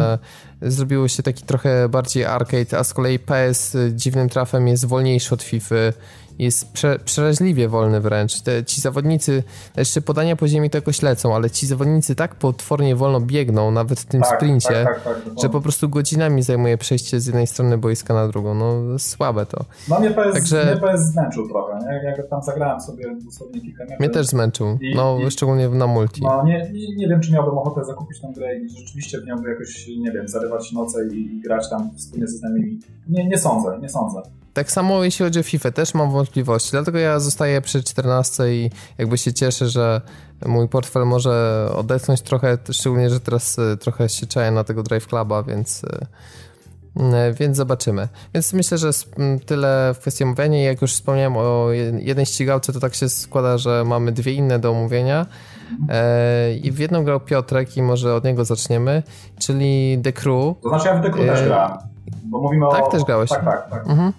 No to widzisz, to, to się powymieniacie opiniami, bo ty Grey Fox zapewne na Xbox One, a tak. Piotrek na PlayStation 4, ale myślę, że większej różnicy to, e, to by nie dało, dlatego że gra wygląda, no może nie paskudnie, ale mało imponująco co najmniej. Tak zaczynając od tego, co, Piotrek? Ja myślę, że miałeś rację w swoim pierwotnym stwierdzeniu. Tak, zdecydowanie. Znaczy, jak dla mnie, jak Ona... dla mnie to jest jedna z brzydszych gier, tak naprawdę. Nie, serio, ja podejrzewam, że można byłoby z powodzeniem ludziom po prostu wcisnąć, takim, którzy, którzy nie siedzą za bardzo, znaczy mają jakąś wiedzę o konsolach, ale nie siedzą w tym aż tak do, bo, po same uszy. Podejrzewam, że spokojnie by im szło wcisnąć, że to działa na poprzedniej generacji. Tak, tak, pełna zgoda też tutaj. Znaczy ja powiem tak, y, na pewno na plus można zaliczyć, bo nie można powiedzieć, że wszystko jest słabe graficznie. E, przerwniki filmowe są powiedzmy ok, E, tak samo modele. To znaczy, to mówisz, mówisz chyba o grafice, bo według mnie reżyseria po prostu nie, nie, nie, nie, cała ta nie, chodzi mi, chodzi, chodzi mi o jakość, jakość tekstur, powiedzmy, Jasne. i tak dalej. E, tak samo modele samochodów są, że tak powiem, no, co mogę powiedzieć, przyzwoite. O, są dość przyzwoite. Tak, to jest dobre tak. słowo, to jest dobre są, słowo. Są, są przyzwoite. Jeśli chodzi o otoczenie, to jest absolutny dramat. Znaczy, zaraz może przejdziemy dalej do tego, yy, jeśli chodzi o to, jak zostało zaprojektowany świat, bo jeśli chodzi o design, o, miejscu, o miejscówki i tak dalej, to trzeba przyznać, że, że to jest ciekawe podejście, tak? Jest tam duża różnorodność. Przede wszystkim przede wszystkim mapa robi różnicę, bo no, ja nawet w tej chwili po prostu siedzę i sobie ustawiłem GPS, żeby przejechać kolejne 120 km i rzeczywiście jedzie się to adekwatny czas przy takiej a takiej prędkości. Także jeżeli chodzi właśnie o połacie terenu, które jest do ogarnięcia, no to zdecydowanie jest to sukces, to trzeba powiedzieć. Tak, teren, teren Tylko... jest e, rewelacyjny. W ogóle bardzo mi się podoba, jak są zaprojektowane trasy e, przy różnych wyścigach, przy różnych wyzwaniach E, gdzie możemy na przykład, no w zależności od części, części stanu, w której jesteśmy, w zależności od miasta, od części tego miasta, możemy gdzieś tam przemykać, a to powiedzmy przez jakąś fabrykę, tak, przez jakieś garaże, tu gdzieś przez jakieś tam wąskie uliczki, w ogóle gdzieś tam na obrzeżach miasta. Naprawdę trasy są bardzo ciekawe, bardzo fajnie zaprojektowane, bardzo przemyślane. Widać, że ktoś się przyłożył do tego. aczkolwiek tak jak zaczęliśmy omawiać temat, no jakość grafiki no już pozostawia wiele do życzenia. To znaczy, to cała warstwa techniczna moim zdaniem tutaj leży, ponieważ no jest rok 2014, tak? Gram na konsoli, która ma 8 GB i mam pop-up obiektów. Tak na zasadzie, na zasadzie samochodów, które jadą przede mną. One się po prostu spawnują bezczelnie do 300 metrów przede mną.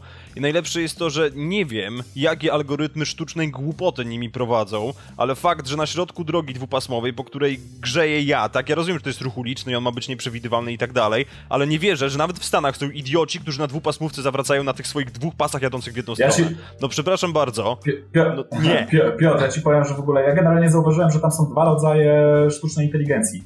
E, jedna, jedna działa na takiej zasadzie, że jadą e, powiedzmy na czteropasmówce, tak? czyli tam dwa pasy w jedną stronę, dwa, dwa pasy w drugą stronę, jadą po dwa samochody koło siebie, dokładnie z tą samą prędkością cały czas, po czym mijasz je, są kolejne dwa samochody, które znowu jadą koło siebie, dokładnie z tą samą prędkością, żebyś mógł je wyminąć tylko dokładnie tam pomiędzy nimi, bądź, bądź, bądź poboczem. E, drugi rodzaj AI, który został do tej gry jakoś zaimplementowany, to są kolesie, którzy usilnie starają się w ciebie wbić i zajeżdżają ci drogę. Tak, to jest tak, tak. fakt. Tak. To jest fakt. Tylko, że oni po prostu, no właśnie teraz przede mną jedzie po. E, jechał, bo już go wyprzedziłem. Po otwartej drodze, normalnie, bez żadnych innych samochodów, jechał SUV, który właśnie e, uderzył we mnie tyłem. Mhm. Nie wiem czemu, jak go mijałem, po prostu we mnie wjechał. Także no to nie rozumiem po prostu. To jest dla mnie jakieś takie dziwne utrudnienie na tej drodze, bo no, to, co robią ci kierowcy wirtualni, to jest no dramat po prostu, nie oszukujmy no tak, się. Jedziesz sobie, jedziesz ale... sobie tam z jakąś dużą prędkością, widzisz gościa przed sobą, on jedzie, wszystko ok, w ogóle widzisz go, widzisz go z daleka, wiesz, że go wyminiesz, po czym nagle w pewnym momencie... O, widzisz go w momencie, kiedy się no doczyta, tak, zacznijmy od tego. No to, to, to, tak po pierwsze, ale powiedzmy widzisz go tam z większej odległości, e, po czym e, nagle, gdy dojeżdżacie do siebie, on postanawia skręcić i uderzyć prosto w ciebie. Nie wiadomo, z niewiadomych powodów. Nie wiem, dlaczego to jest tak zaprojektowane. I albo zrobisz jakiś natychmiastowy manewr, żeby go wyminąć, albo zaliczasz dzwona. Kompletnie nie kumam takiego podejścia. Czemu to ma służyć w ogóle? Tak, ale warstwa techniczna niestety też jeżeli chodzi o świat kuleje, ponieważ no pop-up jest nie tylko samochodów, ale też samych obiektów i ja jadąc um, bodajże do Salt Lake City natrafiłem na miejsce, gdzie po prostu już, już znalazłem po prostu ten punkt, w którym jest jakby zmiana lodu E, I miałem tak, że jadąc samochodem do przodu i do tyłu o dwa metry, po prostu miałem albo łysą górę, albo górę z drzewami.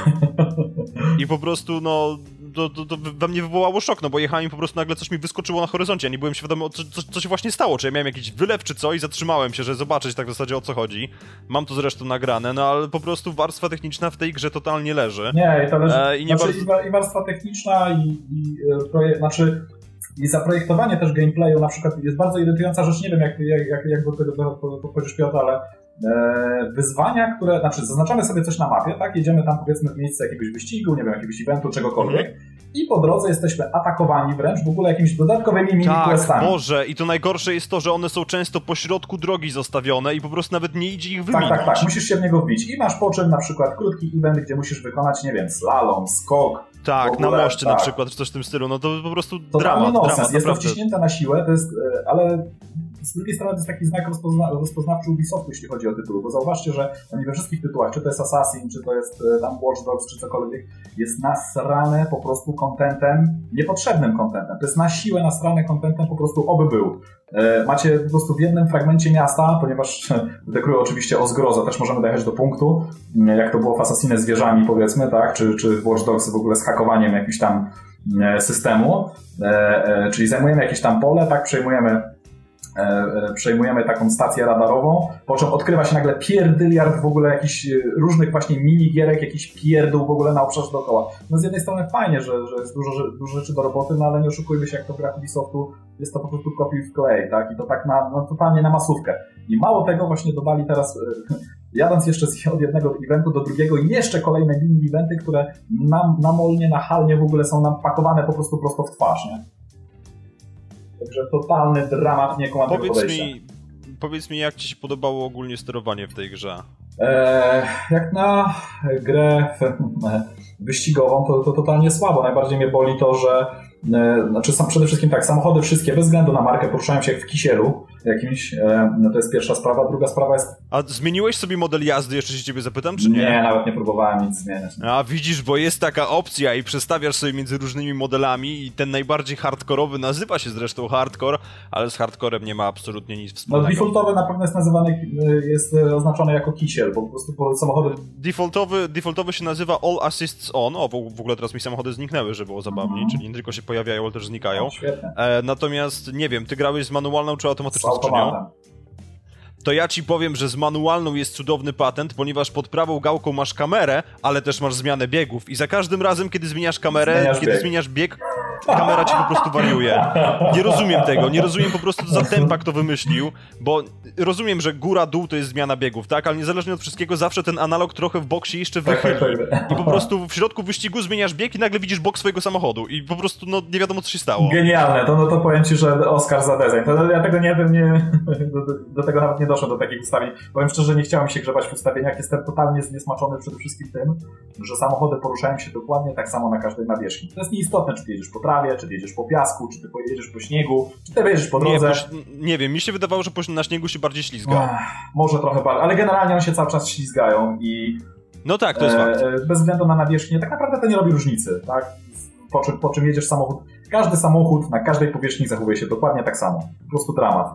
E, nie, nie, nie, nie potrafię tak naprawdę, powiem wam, w The Crew znaleźć jakiegoś takiego pozytywnego punktu zaczepienia. Nie, nie wiem, czym fabuła też mi specjalnie nie leży, no, chyba, że Nie, po prostu ja jak zobaczyłem tą fabułę, to co prawda okej, Nolan North w porządku, ale który gra tutaj brodatą wersję, młodszą Heisenberga, e, sama fabuła natomiast jest dla mnie na poziomie, nie wiem, no pierwszego Fast and Furious, to nie Dokładnie. jest w sensie takiej, że wtedy to zachwyciło, a to po prostu chodzi o taką sztampowość pod tytułem jesteś dobry, a twój brat jest zły, ale dzieje się coś dziwnego po prostu i zostajesz wrobiony w morderstwo, po czym z pierdla wyciąga cię piękna pani, którą zapewne byś przeleciał, gdyby był to film hollywoodzki, ale jest to gra, która musi mieć takie, a nie inne pegi i w związku z tym po prostu nigdy nie dojdzie do, żadnej, do żadnego zbliżenia, natomiast no, e, ona tutaj po prostu jest i pojawia ci się e, w środku misji jej twarz z boku ekranu, bo niby masz właśnie taki fantastyczny telefon i zaczyna do ciebie coś mówić, co A, totalnie rozprasza, B, natomiast całe menu jest wykonane w e, te, te które jest w grze jakby, e, menu pauzy nazwijmy to, chociaż pauzy tutaj nie ma, jest wykonane w takiej konwencji, że po prostu po prawej stronie ekranu pojawia się telefon. I żeby było zabawniej, w momencie, kiedy ten telefon się pojawi, e, to jest kolejny moment, w którym kompletnie tracimy kontrolę nad skrzynią biegów, bo prawy analog przestaje działać. pięknie, po prostu Więc wspaniale. wyciągasz telefon, żeby coś zmienić, chociażby przestawić muzykę, bo tam jest właśnie coś takiego, że można sobie playlisty konfigurować i tak dalej. Wyciągasz owy telefon i myślisz, a muszę zmienić bieg, bo jadę teraz szybciej. Nope, zapomnij. Wyłączysz telefon, wtedy będziesz mógł zmienić. Sytuacja wygląda generalnie tak, jakby tak, e, nie wiem, jakoś Ale stać. czekaj, to, czekaj, bo tylko powiem, że to jest taki super realizm, no bo jak normalnie idziesz samochodem i trzymasz, wiesz, w lewej ręce kierownicę i w prawej telefon, no to tak jakby ciężko się zmienia biegi, więc wiesz, to, to it's not a bug, it's a feature. Okej. No niech będzie. Nie no, zależy od podejścia w tym wypadku, tak, no ale... Co mnie jeszcze potwornie wkurzyło, no bo generalnie rzecz biorąc jest to gra, która ma ten, ten chyba po raz kolejny wykorzystuje ten koncept share world, tak, czyli że cały czas są inni ludzie po prostu i można zrobić sobie ten spontaniczny drop-in, drop-out multiplayer. Tylko problem polega na tym, że e, nie dotarłem w grze do ustawień audio i problem polega na tym, że są ludzie, którzy grają z headsetem i do tego headsetu, no nie wiem, wydaje mi się, że chyba po prostu mają jakiś koncert rockowy w domu, ponieważ headset, to, to co słyszymy po prostu, powiedzmy napotykamy w grze jakiegoś człowieka, który jest 16 km według mapy od nas i słyszymy co się dzieje u niego z głośnością taką, że przebija to się przez muzykę i dźwięk silnika naszego samochodu. Ja pierdolę, masakra. Ja po prostu zdębiałem w pewnym momencie, bo jechałem i zacząłem słyszeć głosy i nie wiedziałem co się stało. I to najlepsze było to, że to jeszcze Francuzi grali, to, była, to był pierwszy dzień bety i po prostu no ja, ja totalnie zgłupiałem, nie wiedziałem co się dzieje i później się dopiero okazało, że te znaczniki, które są, e, obok nich się zaczęła pojawiać ikona głośniczka i po prostu no wygląda na to, że osoby, które ze sobą gdzieś tam grają, co mnie totalnie nie dotyczy, bo ja jadę zupełnie gdzie indziej, w innym celu, te osoby mówią do mnie i ja to słyszę przez głośniki. Już nawet kurde mogli zrobić taki algorytm, żebym chociaż miał wpięty ten pierdzielony headset do, do pada i wtedy to by działało, ale nie, wszystko idzie na głośniki. Dramat. Masakra, po prostu masakra. dramat. Jeśli chodzi o, o zaprojektowanie wszelkich feature'ów, e, no to jest dramat. No, no, no, nie, nie można tego inaczej określić. To jest dramat. Ktoś tego zdecydowanie nie przemyślał. E, bo jeśli chodzi o, o, o plac zabaw, który został przygotowany, tak jak mówiliśmy wcześniej, to jest naprawdę rewelacyjny, tak? To, to jest naprawdę godne pochwały. To jest tak naprawdę najciekawszy, najlepszy mm, aspekt The Crew, czyli właśnie ten, ten wykreo, wykreowany plac zabaw, tak? Już tam mówię, nie chodzi o jakość e, grafiki, tak? W jakiej, w jakiej zostało to wszystko zaprezentowane, e, ale, ale generalnie teren jest różnorodny, jest co w nim robić, tak? Jest teren różnorodny i, i każdy znajdzie coś tam dla siebie e, i odległości e, pomiędzy tam lokacjami są fajnie oddane e, i ukształtowanie terenu i, i, i mówię, i wszystkie te zurbanizowane również te lokacje są naprawdę rewelacyjnie zaprojektowane. No, ale Jeszcze pytanie do Piotrka, no. bo, bo ty masz pewnie Pewnie się tam bawiłeś trochę ty, tymi ustawieniami, jak z tuningiem, bo przecież to był też oprócz e, tego otwartego świata taki killer feature e, tej gry, że każdą część nie ma, możemy sobie dowolnie zmieniać i to wszystko ma być takie super zwizualizowane. Jak, jak działa ten system tuningu? To znaczy, jeżeli chodzi o sam system tuningu i wizualizację, to rzeczywiście jest zrobiony świetnie, ponieważ pojawia się po prostu w momencie, kiedy wchodzimy jakby w tuning mechaniczny, tak, to znika nam całe nadwozie i widzimy tylko i wyłącznie tą mechaniczne komponenty samochodu, więc tam e, silnik, skrzynie biegów i tak dalej, więc to jest naprawdę świetnie zwizualizowane, nie oszukujmy kar, się. dosłownie. Tak, tylko no problem polega na tym, że efekty tego tuningu nie są aż tak dramatycznie odczuwalne, to jest raz, a dwa, że no nie wiem, jakoś do mnie to totalnie po prostu nie przemawia. Czy wiesz co, jakoś, nie wiem, no... czy się ze mną zgodzisz Piotr, ale ja tam, no tam chwilę dosłownie pogrzebałem. Generalnie to wygląda na takiej zasadzie, że e, kolejne części jakby lepsze, które zdobywałem do tego samochodu powodują, że ten samochód jakby w pewnym sensie leveluje, tak? Tak, tak, tak. I to jest na takiej zasadzie zrobione. Musisz, nie... Ale też jest, jest też tak, że zdobywasz niektóre części, bo mi się przez przypadek, jak jechałem, udało zrobić któreś wyzwanie i dostałem za nie części do zawieszenia bodajże na czwarty level, gdzie mój samochód miał level drugi. Musiałem go wylevelować, żeby w ogóle móc te części zainstalować. tak, tak, tak. Totalny nonsens. Także no, tu, tu, tu się dzieją po prostu autentycznie dziwne rzeczy i no nie wiem, nie wiem kto, kto upadł i jak bardzo upadł na głowę, że pozwolił, żeby ta gra właśnie w takim kształcie była, bo to jest dla mnie po prostu kolejny raz wielki zmarnowany potencjał. Dokładnie. A panowie, wy sobie przypominacie w ogóle, czy Ubisoft wcześniej zrobił jakąś ścigałkę? Znaczy, no drivery robił niby, ale A, to... no przecież, driver, rzeczywiście. Oczywiście. No i Driver San Francisco im wyszedł świetnie, dlatego jakby wiesz, no można było mieć nadzieję, że, że tytuł będzie ogarnięty, ale no cóż. Czyli jakby tak ogólnie się pytać, no bo ja, ja tak jako neutralny słuchacz yy, od tych yy, kilkunastu minut słucham, co mówicie i raczej byłbym jednak na nie, mimo wszystko, że... Ja jestem bardzo na nie, ja tutaj mógłbym wytykać dziury cały dzień. Ja rozumiem, że to jest arcade, ale w momencie, kiedy na ósmej generacji konsol przełączam się na widok z kabiny i moje lusterka są za, zapełnione szarą plamą, no sorry, ale coś jest nie tak po No prostu. ale wiesz, no dla mnie może być szara plama, kwestia jest miodności gameplayu, tak? No jeśli tego no nie, nie ma... No to no... miodność, miodność gameplayu totalnie odpada. Zresztą wiesz, no nawet ten cały tuning, który tutaj jest dokonywany, nawet ten, ten, ten tuning wizualny, tak? No to jest po prostu śmiech na sali, to jest coś, co by ewentualnie przemawiało do 13-letnich chłopców 10 lat temu. Ale wiesz co, ja podejrzewam, bo... że taki jest target, dlatego że no, patrz na fabułę, tak? Patrz na rozwiązania, no nie, no ja rozumiem, ale wiesz, no moim zdaniem to jest coś, co by mogło się sprawdzić w momencie, kiedy równolegle by wyszło z pierwszym Need for Speedem Undergroundem. To rozumiem wtedy, natomiast na chwilę obecną, w momencie, kiedy rzeczywiście są gry nawet typu Forza, tak, które oferują możliwości tuningu wizualnego, który po prostu nie kopie w jądra twojego poczucia estetyki, bo tutaj tuning wizualny polega na tym, że kupujesz jakiś pakiet i następnie twój samochód po prostu wygląda jak jakiś koszmar z wielkim wlotem powietrza na masce, do którego ewentualnie, nie wiem, no mówię, jakiś 13-latek mógłby się masturbować, no to to jest po prostu dla mnie jakieś porozumienie, no sorry. Znaczy ja powiem tak, gdyby ta gra wyszła powiedzmy na początku siódmej generacji, to podejrzewam, że wszyscy byśmy grali, tak? Na początku siódmej generacji tak, tylko na wiesz... Na początku siódmej strony... generacji to wyszedł Test Drive, który był jedną z najlepiej ocenianych gier poprzedniej generacji i był wiesz, jedną no, z największych ścigałek, która szczerze, w ogóle i, powstał ten gatunek jakby wtedy. I powiem ci, że... Takich sandboxowych racerów. I powiem ci, że ten... Yy, yy, yy, I ta gra, o, o której mówisz, tak, czyli Test Drive, Test Drive Unlimited jest, wypada jeszcze w tym momencie, tak, mimo że The Crew jest nową grą, wypada lepiej. O wiele lepiej. Mhm. Mnie też, mnie też na przykład strasznie wpienia fakt, no może ja trochę za dużo, jeżeli chodzi o, o, o racery z otwartym światem, grałem w Burnouta Paradise, bo to no, spędziłem tam kultowa, naprawdę... Kultowa gra. Tak, tak, spędziłem tam aż za dużo czasu, ale mnie na przykład potwornie wpienia fakt, że w grze, która polega na rozbijaniu się, jest zrobiony sensowny model zniszczeń, i jakby, który, który wymusza na nas odwiedzanie tych rozsianych po całej mapie checkpointów, które naprawiają nasz samochód, natomiast w Dekru nasz samochód jest po prostu bioniczny i w magiczny sposób się zasklepiają w nim szyby, e, zderzak wraca na swoje miejsce po urwaniu i tak dalej, i tak dalej. No sorry, ale po prostu tego nie rozumiem, tym bardziej, że w grze jest zaimplementowana mechanika, która każe ci wracać do kwatery głównej, żeby naprawić twój samochód, który sam się zasklepia. Dokładnie. Dokładnie tak. Także no, nie wiem jaka logika za tym stała, ale no chyba nawet nie chcę wiedzieć w sumie. Ta tak gra była chyba obecną. kilkukrotnie przeprojektowywana i trochę im brakowało pomysłu, w sensie e, cała para poszła na, na ten e, świat i na to, żeby były całe stany, natomiast jakby brakuje jeszcze tego komponentu gry, tak, w to macie super gra z tego, co mówicie, że No, trochę tutaj szwankuje, No, ale no, nie szwankuje w Forzie Horizon i tutaj tak już trochę... Mm, Tak, dlatego, że już czasowo my powiedzieliśmy o tych 90 minutach, a chyba się nie zmieścimy, bo tak patrzę na czas, mamy godzinę 25, e, no ale e, powiedz, e, tak odnosząc się do tego, co mówiłeś w zeszłym tygodniu, czy twoje zdanie na temat Forzy uległo poprawie, czy znalazłeś tam trochę błędów, które ostudziły twój e, zeszłotygodniowy entuzjazm?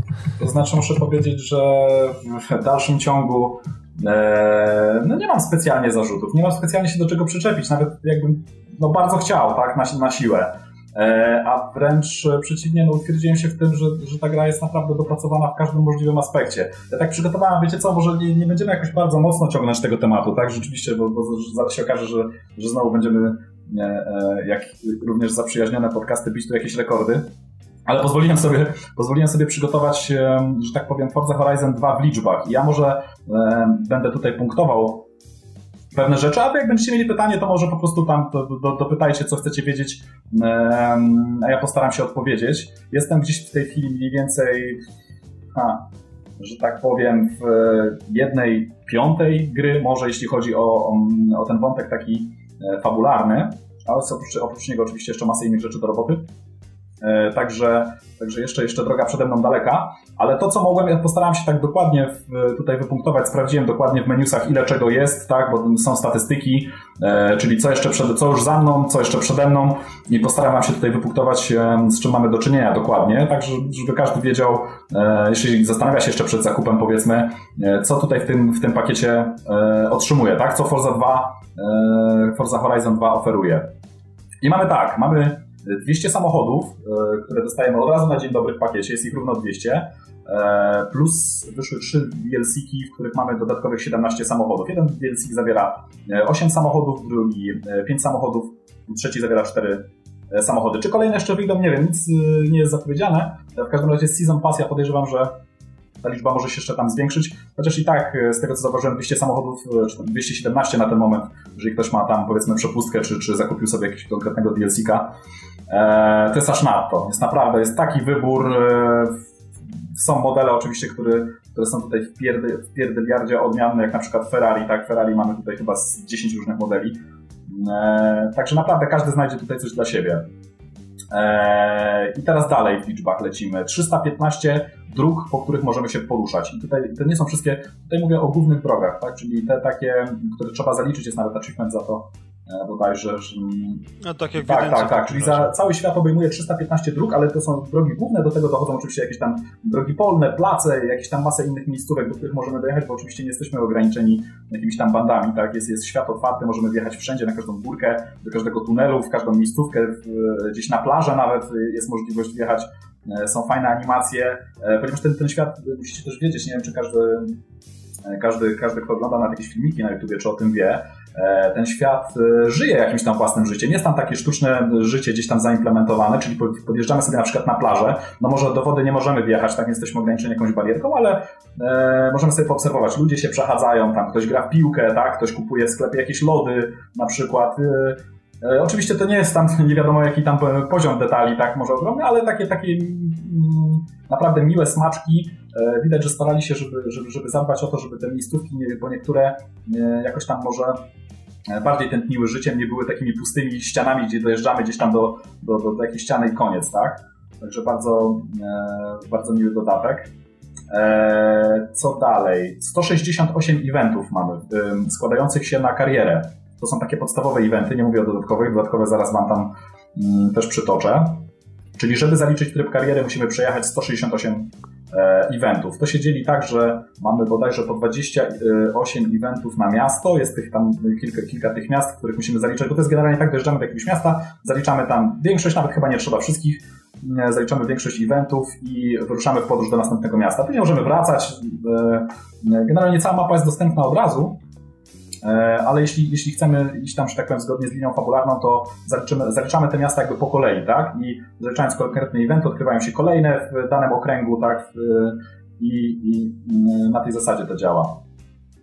Dodatkowo, dodatkowo mamy tak, e, pięć pokazów specjalnych. To są takie, ja tutaj też nie będę przytaczał może wszystkich, nie chcę, nie chcę tam komuś psuć zabawy, ale pokazy specjalne polegają na tym, że to jest wyścig e, jakimś na przykład super samochodem, czy samochodem, który wybierzemy, czy samochodem przygotowanym, tak? Na ten specjalny event z jakimiś takimi nietypowymi mm, e, maszynami e, przygotowanymi do, do, do, wyścigu z nami, czyli na przykład możemy się ścigać z pociągiem parowym, e, możemy się ścigać na przykład z grupą takich samolotów do akrobacji, jak powiedzmy, mm, jak event Red Bulla, jak, jak eventy, które Red Bull robi, tak? Czyli E, no, samoloty mają tam powiedzmy większy promień skrętu, ale przejeżdżają dokładnie przez te same bramki co my. Jest po prostu niesamowity efekt, po prostu tak robi, szczególnie jak się gra na słuchawkach, to, to polecam, jak ktoś będzie grał. Mm, kiedy, kiedy zasuwamy powiedzmy jakimś samochodem i przez tą samą bramkę prawie, że w jednym momencie prze, przelatuje w ogóle tam eskadra, e, tam powiedzmy pięciu e, samolotów odrzutowych w ogóle, no i robiąc totalny szum, w ogóle zrywając gdzieś tam po drodze jakieś tam E, liście z drzew e, i, i, i wywracając parasole gdzieś tam przy ulicy. No, no rewelacja, naprawdę, rewelka polecam, to jest po prostu coś niesamowitego. E, jest, mam pięć takich pokazów specjalnych, to są takie troszeczkę większe eventy na powiedzmy 10 minut do, do, do przejechania, może trochę mniej. Mówię, nie będę przytaczał wszystkich, nie chcę psuć zabawy odkrywania, a są naprawdę świetne. Co mamy dalej? 30 samochodów z listy życzeń z wyzwaniami. To wiecie co ja ostatnio wklejałem na, na, na fanpage'u może ktoś oglądał e, jeden z takich eventów. To jest tak generalnie, że po całym, e, po całym tym świecie rozsiane mamy 30 samochodów i z każdym wiąże się inny event. I mamy tu na przykład, musimy jakiś tam czas spędzić, w przeciągu jakiegoś czasu spędzić e, ileś tam czasu w powietrzu, na przykład danym samochodem, albo musimy przejechać przy fotoradarze z daną prędkością, albo musimy na przykład przejechać właśnie na przełaj przez bardzo trudny teren z jakiegoś miejsca do miejsca. E, no i masę różnych innych rzeczy, na przykład, e, no co tam jeszcze mamy? Klasycznym Ferrari na przykład przejechać z danego punktu do danego punktu e, w, w, w konkretnym czasie, w ruchu takim ulicznym, no przeróżne rzeczy, także, także no, fajnie się to robi, naprawdę bardzo, bardzo ciekawe eventy, to są, są podzielone na wyzwania takie powiedzmy na poziomie łatwym, na poziomie średnim, na, na poziomie wysokim, wręcz takim hardkorowym, czyli, te, czyli tam każdy znajdzie coś dla siebie. Są eventy, mówię, prostsze, są eventy e, bardzo trudne do zrobienia, ale dające przez to masę satysfakcji. Ja tam mówię, wkleję jeden w grupie, także można sobie zobaczyć, jak jeden z takich eventów wygląda. E, dalej, 10 samochodów unikatowych jest do odnalezienia, odnalezienia w grze. Powiem szczerze, że jeszcze nie znalazłem żadnego. To są jakieś takie klasyczne fury, które się jakoś bardzo mocno zapisały w historii motoryzacji. Jakieś takie naprawdę... No to to, co było w, w jedynce, kiedy tak. odwiedzaliśmy te całe stajnie różne, Dokładnie. gdzie tam były po prostu porozrzucane. To było bardzo fajne, bo zawsze było omówienie w jakiś sposób, chociaż krótkie, ale to był taki do, fajny smaczek, żeby to znajdywać, prawda? To znaczy ja powiem tak, tutaj poszli troszeczkę może o krok dalej od e, czasów jedynki. Tutaj każdy samochód jest omówiony. Oczywiście te samochody pewnie, e, e, że tak powiem, przyłożyli do nich troszeczkę znaczy wykonali troszeczkę więcej pracy autorzy, dlatego że tutaj dla tych 10 samochodów unikatowych jest przygoto są przygotowane nawet osobne opcje tuningu. Nie wiem dlaczego, nie mówię, nie odkryłem jeszcze żadnego samochodu, także no, nie, nie, nie potrafię powiedzieć jak to działa, ale zauważyłem, że w warsztacie, e, jak wjedziemy do niego, jest osobne, e, jest osobny taki dział dla tych samochodów unikatowych. Tylko muszę chociaż jeden odkryć, żeby wiedzieć na jakiej zasadzie to działa. Także jak tylko coś będę wiedział, to jeszcze może tam przytoczę e, gdzieś, nie wiem, w następnym odcinku, czy, czy, czy, czy może nawet na grupie, po prostu jakby ktoś miał pytanie, to odpowiem. jak tylko uda mi się ogarnąć, o co tam chodzi. Dalej, 150 tablic rejestracyjnych mamy do odkrycia i tam jest podział na kilka rodzajów tych tablic. E, jedne dają nam na przykład expa, czyli możemy na przykład też przejechać tam, rozbić parę takich tablic i na przykład level nam wzrośnie. E, inne tablice dają nam zniżki oczywiście, wiadomo jak to tam było wcześniej też w pierwszej części. E, mamy generalnie, mówię, 150 łącznie takich tablic. 45 jest fotoradarów i jest taka nowość, jest oprócz tych foto, fotoradarów są również strefy prędkości. To polega na tym, że dojeżdżamy do takiego też jakby fotoradaru, tylko że on zaczyna odmierzać, znaczy robi nam jakby zdjęcie, start czasu, jest jakiś wycinek drogi, tak, powiedzmy z jakimiś krętymi zakrętami i tak dalej i na tym danym odcinku drogi jest mierzona średnia. I to jest... No ale to było też w jedynce. Eee, w jedynce to było? Powiem szczerze, nie przypominam sobie. A. Były, były, na pewno. A może, być może. Fotoradary były, ja też pamiętam. Fotora, tak, nie, porównywanie czasu ze znajomymi. Tak, tak, tak. I to na tej zasadzie działa, ale yy, yy, że tak powiem, strefy, radar, strefy prędkości sobie nie przypominam. Ale już dosyć dawno grałem, możliwe. Nie, strefy prędkości były hmm. na pewno, bo pamiętam, że na jednej z nich właśnie się dziwiłem, jak stuningowany Bugatti e, EB110 GT może być szybszy od Veyrona, a później się okazało, że może. A być może, być może, być może mi się już plącze. Ta, były zdecydowanie. E, ta pierwsza część z, z, z drugą. E, no i co dalej? No i mamy jeszcze oczywiście, mm, e, oprócz tych, tych wszystkich eventów, które tutaj wyliczyłem, jest tego naprawdę dużo. Ja powiem wam szczerze, że no ja mówię, jeszcze mam dosyć daleko do końca tej gry. Myślałem, że szybciej mi to pójdzie, mimo że, że, że gram dosyć dużo, ale jest tego naprawdę cholerę i, i tak średnio oceniam po tym moim gameplayu. Oczywiście ja staram się wylizać każdy kąt, tak, bo ktoś może spróbować tylko przelecieć przez, przez tego singla i może by mu poszło szybciej, ale tak liczę, że pomiędzy 20 a 30 godzinami e, jest co najmniej gameplayu e, takiego mówię, podstawowego, e, czyli wątek fabularny plus lizanie, że tak powiem, jakichś tam mm, dodatkowych jakichś tam eventów, szukania samochodów i, i, i, tablic, tak? Ale żeby grę w pełni skończyć, tak powiem, na 100%, to podejrzewam, że, że, że jeszcze czas pewnie razy dwa, tak? Bo jest teren bardzo obszerny, jest naprawdę masę rzeczy do zrobienia. ale online mamy, online mamy kolejne rodzaje mm, e, takie mm, innych atrakcji niż. Znaczy są te same atrakcje co w singlu, ale również są również jest coś, co jest tylko dostępne w mm, e, online. To Czy... tak może bez wymieniania poszczególnych tych, bo to Okej, okej, okej. Eee, tak, ja, ja ciekawostkę tak... tylko dodam może po prostu, że można, mhm. można na przykład na danym placu e, pobawić się w, tak, w coś na zasadzie Distraction Derby, czyli e, możemy się tam rozbijać do ostatniego e, gościa, który, który, który zostanie na mapie, tak? No to wiadomo też tam z rankingami i tak dalej, i tak dalej, i tak dalej. Także to nie będę się może na ten temat rozwodził. Ostatnią rzeczą, którą dodam, 25 e, zalet takich tak zwanych mamy, czyli perków do odkrycia. To jest tak, że za jeden level dostajemy jeden punkt i mamy różne perki, one kosztują różną ilość tych punktów E, i mamy tam od jednego punkta do pięciu punktów nawet za danego perka, który tam rozwija nasze jakieś tam umiejętności.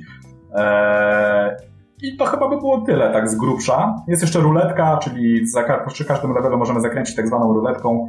E, tam wtedy możemy wygrać albo kasiorę, za którą możemy sobie kupować części samochody i tak dalej, albo możemy po prostu wygrać też samochód. Mi się jeszcze nie udało trafić, mimo że już tam parę leveli dziobnęłem ale, ale, ale samochody też można w taki sposób bez kasiory po prostu wygrać e, za level.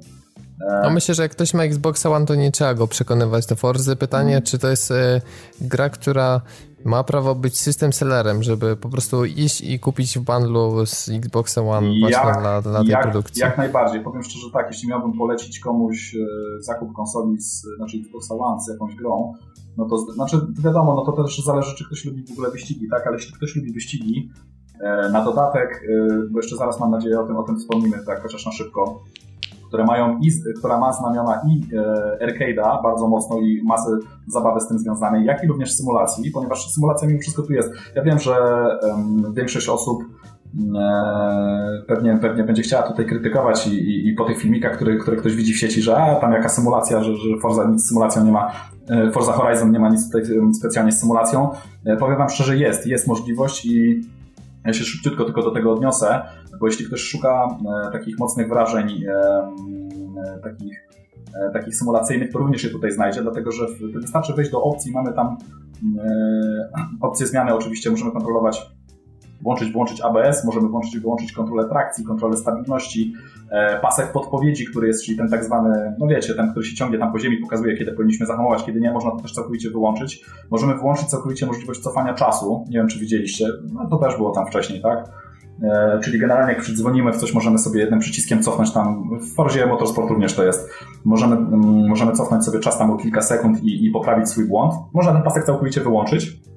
E, możemy sterować poziomem inteligencji drivatarów, jak i również stopniem trudności gry, ale co najważniejsze jest, możemy włączyć, wyłączyć zniszczenia kosmetyczne i włączyć pełną symulację. To się wiąże z tym, że jak przydzwonimy mocno w coś, to jest game over to jest, to jest po prostu po trasie. Dlatego, że samochód już się będzie naprawdę wlókł do mety. To nie są już tylko... Kiedyś to był standard, a teraz no. to się cieszymy, że coś takiego w ogóle Także jest. jest coś takiego, no. oczywiście, ja, ja, ja, to, ja, to, ja to będę podkreślał, Forza Horizon 2 w tych ustawieniach, że tak powiem, defaultowych, to jest pełną gębą arcade, tak? Są podpowiedzi, jest możliwość cofania, jest pasek, który ci nam pokazuje, czy powinniśmy przehamować, czy jechać szybciej, jak wchodzić w dany zakręt i tak dalej. Ale jeśli ktoś jest hardkorowcem, chce sobie poustawiać takie rzeczy, to jak najbardziej może. E, z tym, że no mówię, no, poziom trudności wzrasta, wtedy ja spróbowałem przez chwilę, ale no, wolę się bawić w Forzie, powiem szczerze. Nie, nie chcę jeździć wiecznie na tych hardkorowych ustawieniach, bo to jest naprawdę hardcore, tak?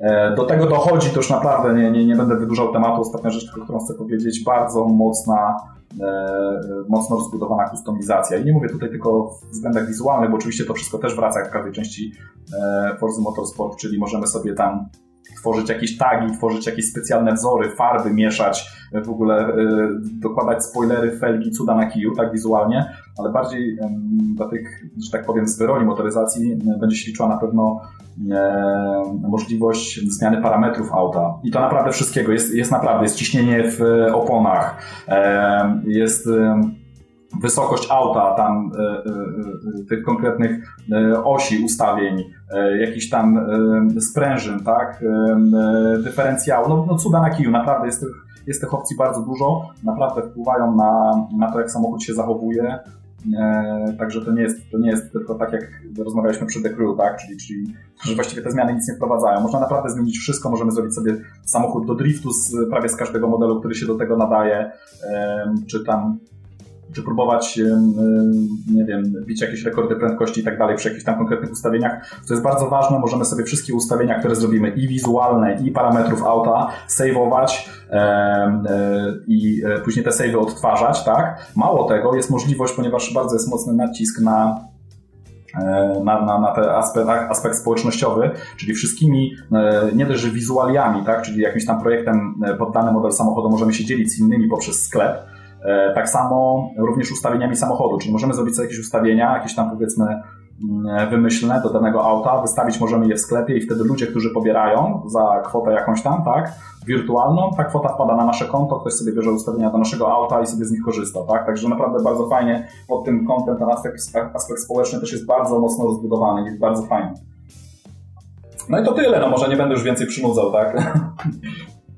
No tak, bo o Forzie też mówiliśmy w zeszłym tygodniu, więc jakby ktoś jeszcze miał do ciebie pytania, to pewnie czy w komentarzach pod podcastem, czy na naszej grupie facebookowej, to Dokładnie. Myślę, że, rzecz, że uderzy, to już odpowiesz poza podcastem po prostu. Jedną rzecz, którą tylko tak podkreślę, tak jakby mówię, gdy się ktoś zastanawiał, zastanawiał nad zakupem gry, jeśli chcecie wydać, a Forza nie jest droga, bo w tej chwili nawet w tej wersji elektronicznej z jednym dodatkiem, bo chyba jest tylko taka możliwość z tym jednym dodatkiem tą najtańszą wersję kupić, kosztuje 219 zł. To są naprawdę śmieszne pieniądze za grę, która zaoferuje, podejrzewam, spokojnie plus 60, e, może nawet 80 godzin e, zabawy, a i pewnie więcej, tak, jeśli ktoś się będzie chciał bawić, e, czyli zdobędzie na mapie już wszystko, tak, odkryje wszystkie sekrety, zaliczy wszystkie eventy, ja podejrzewam, że online można się śmiało też bawić, ponieważ online jest naprawdę fantastyczny.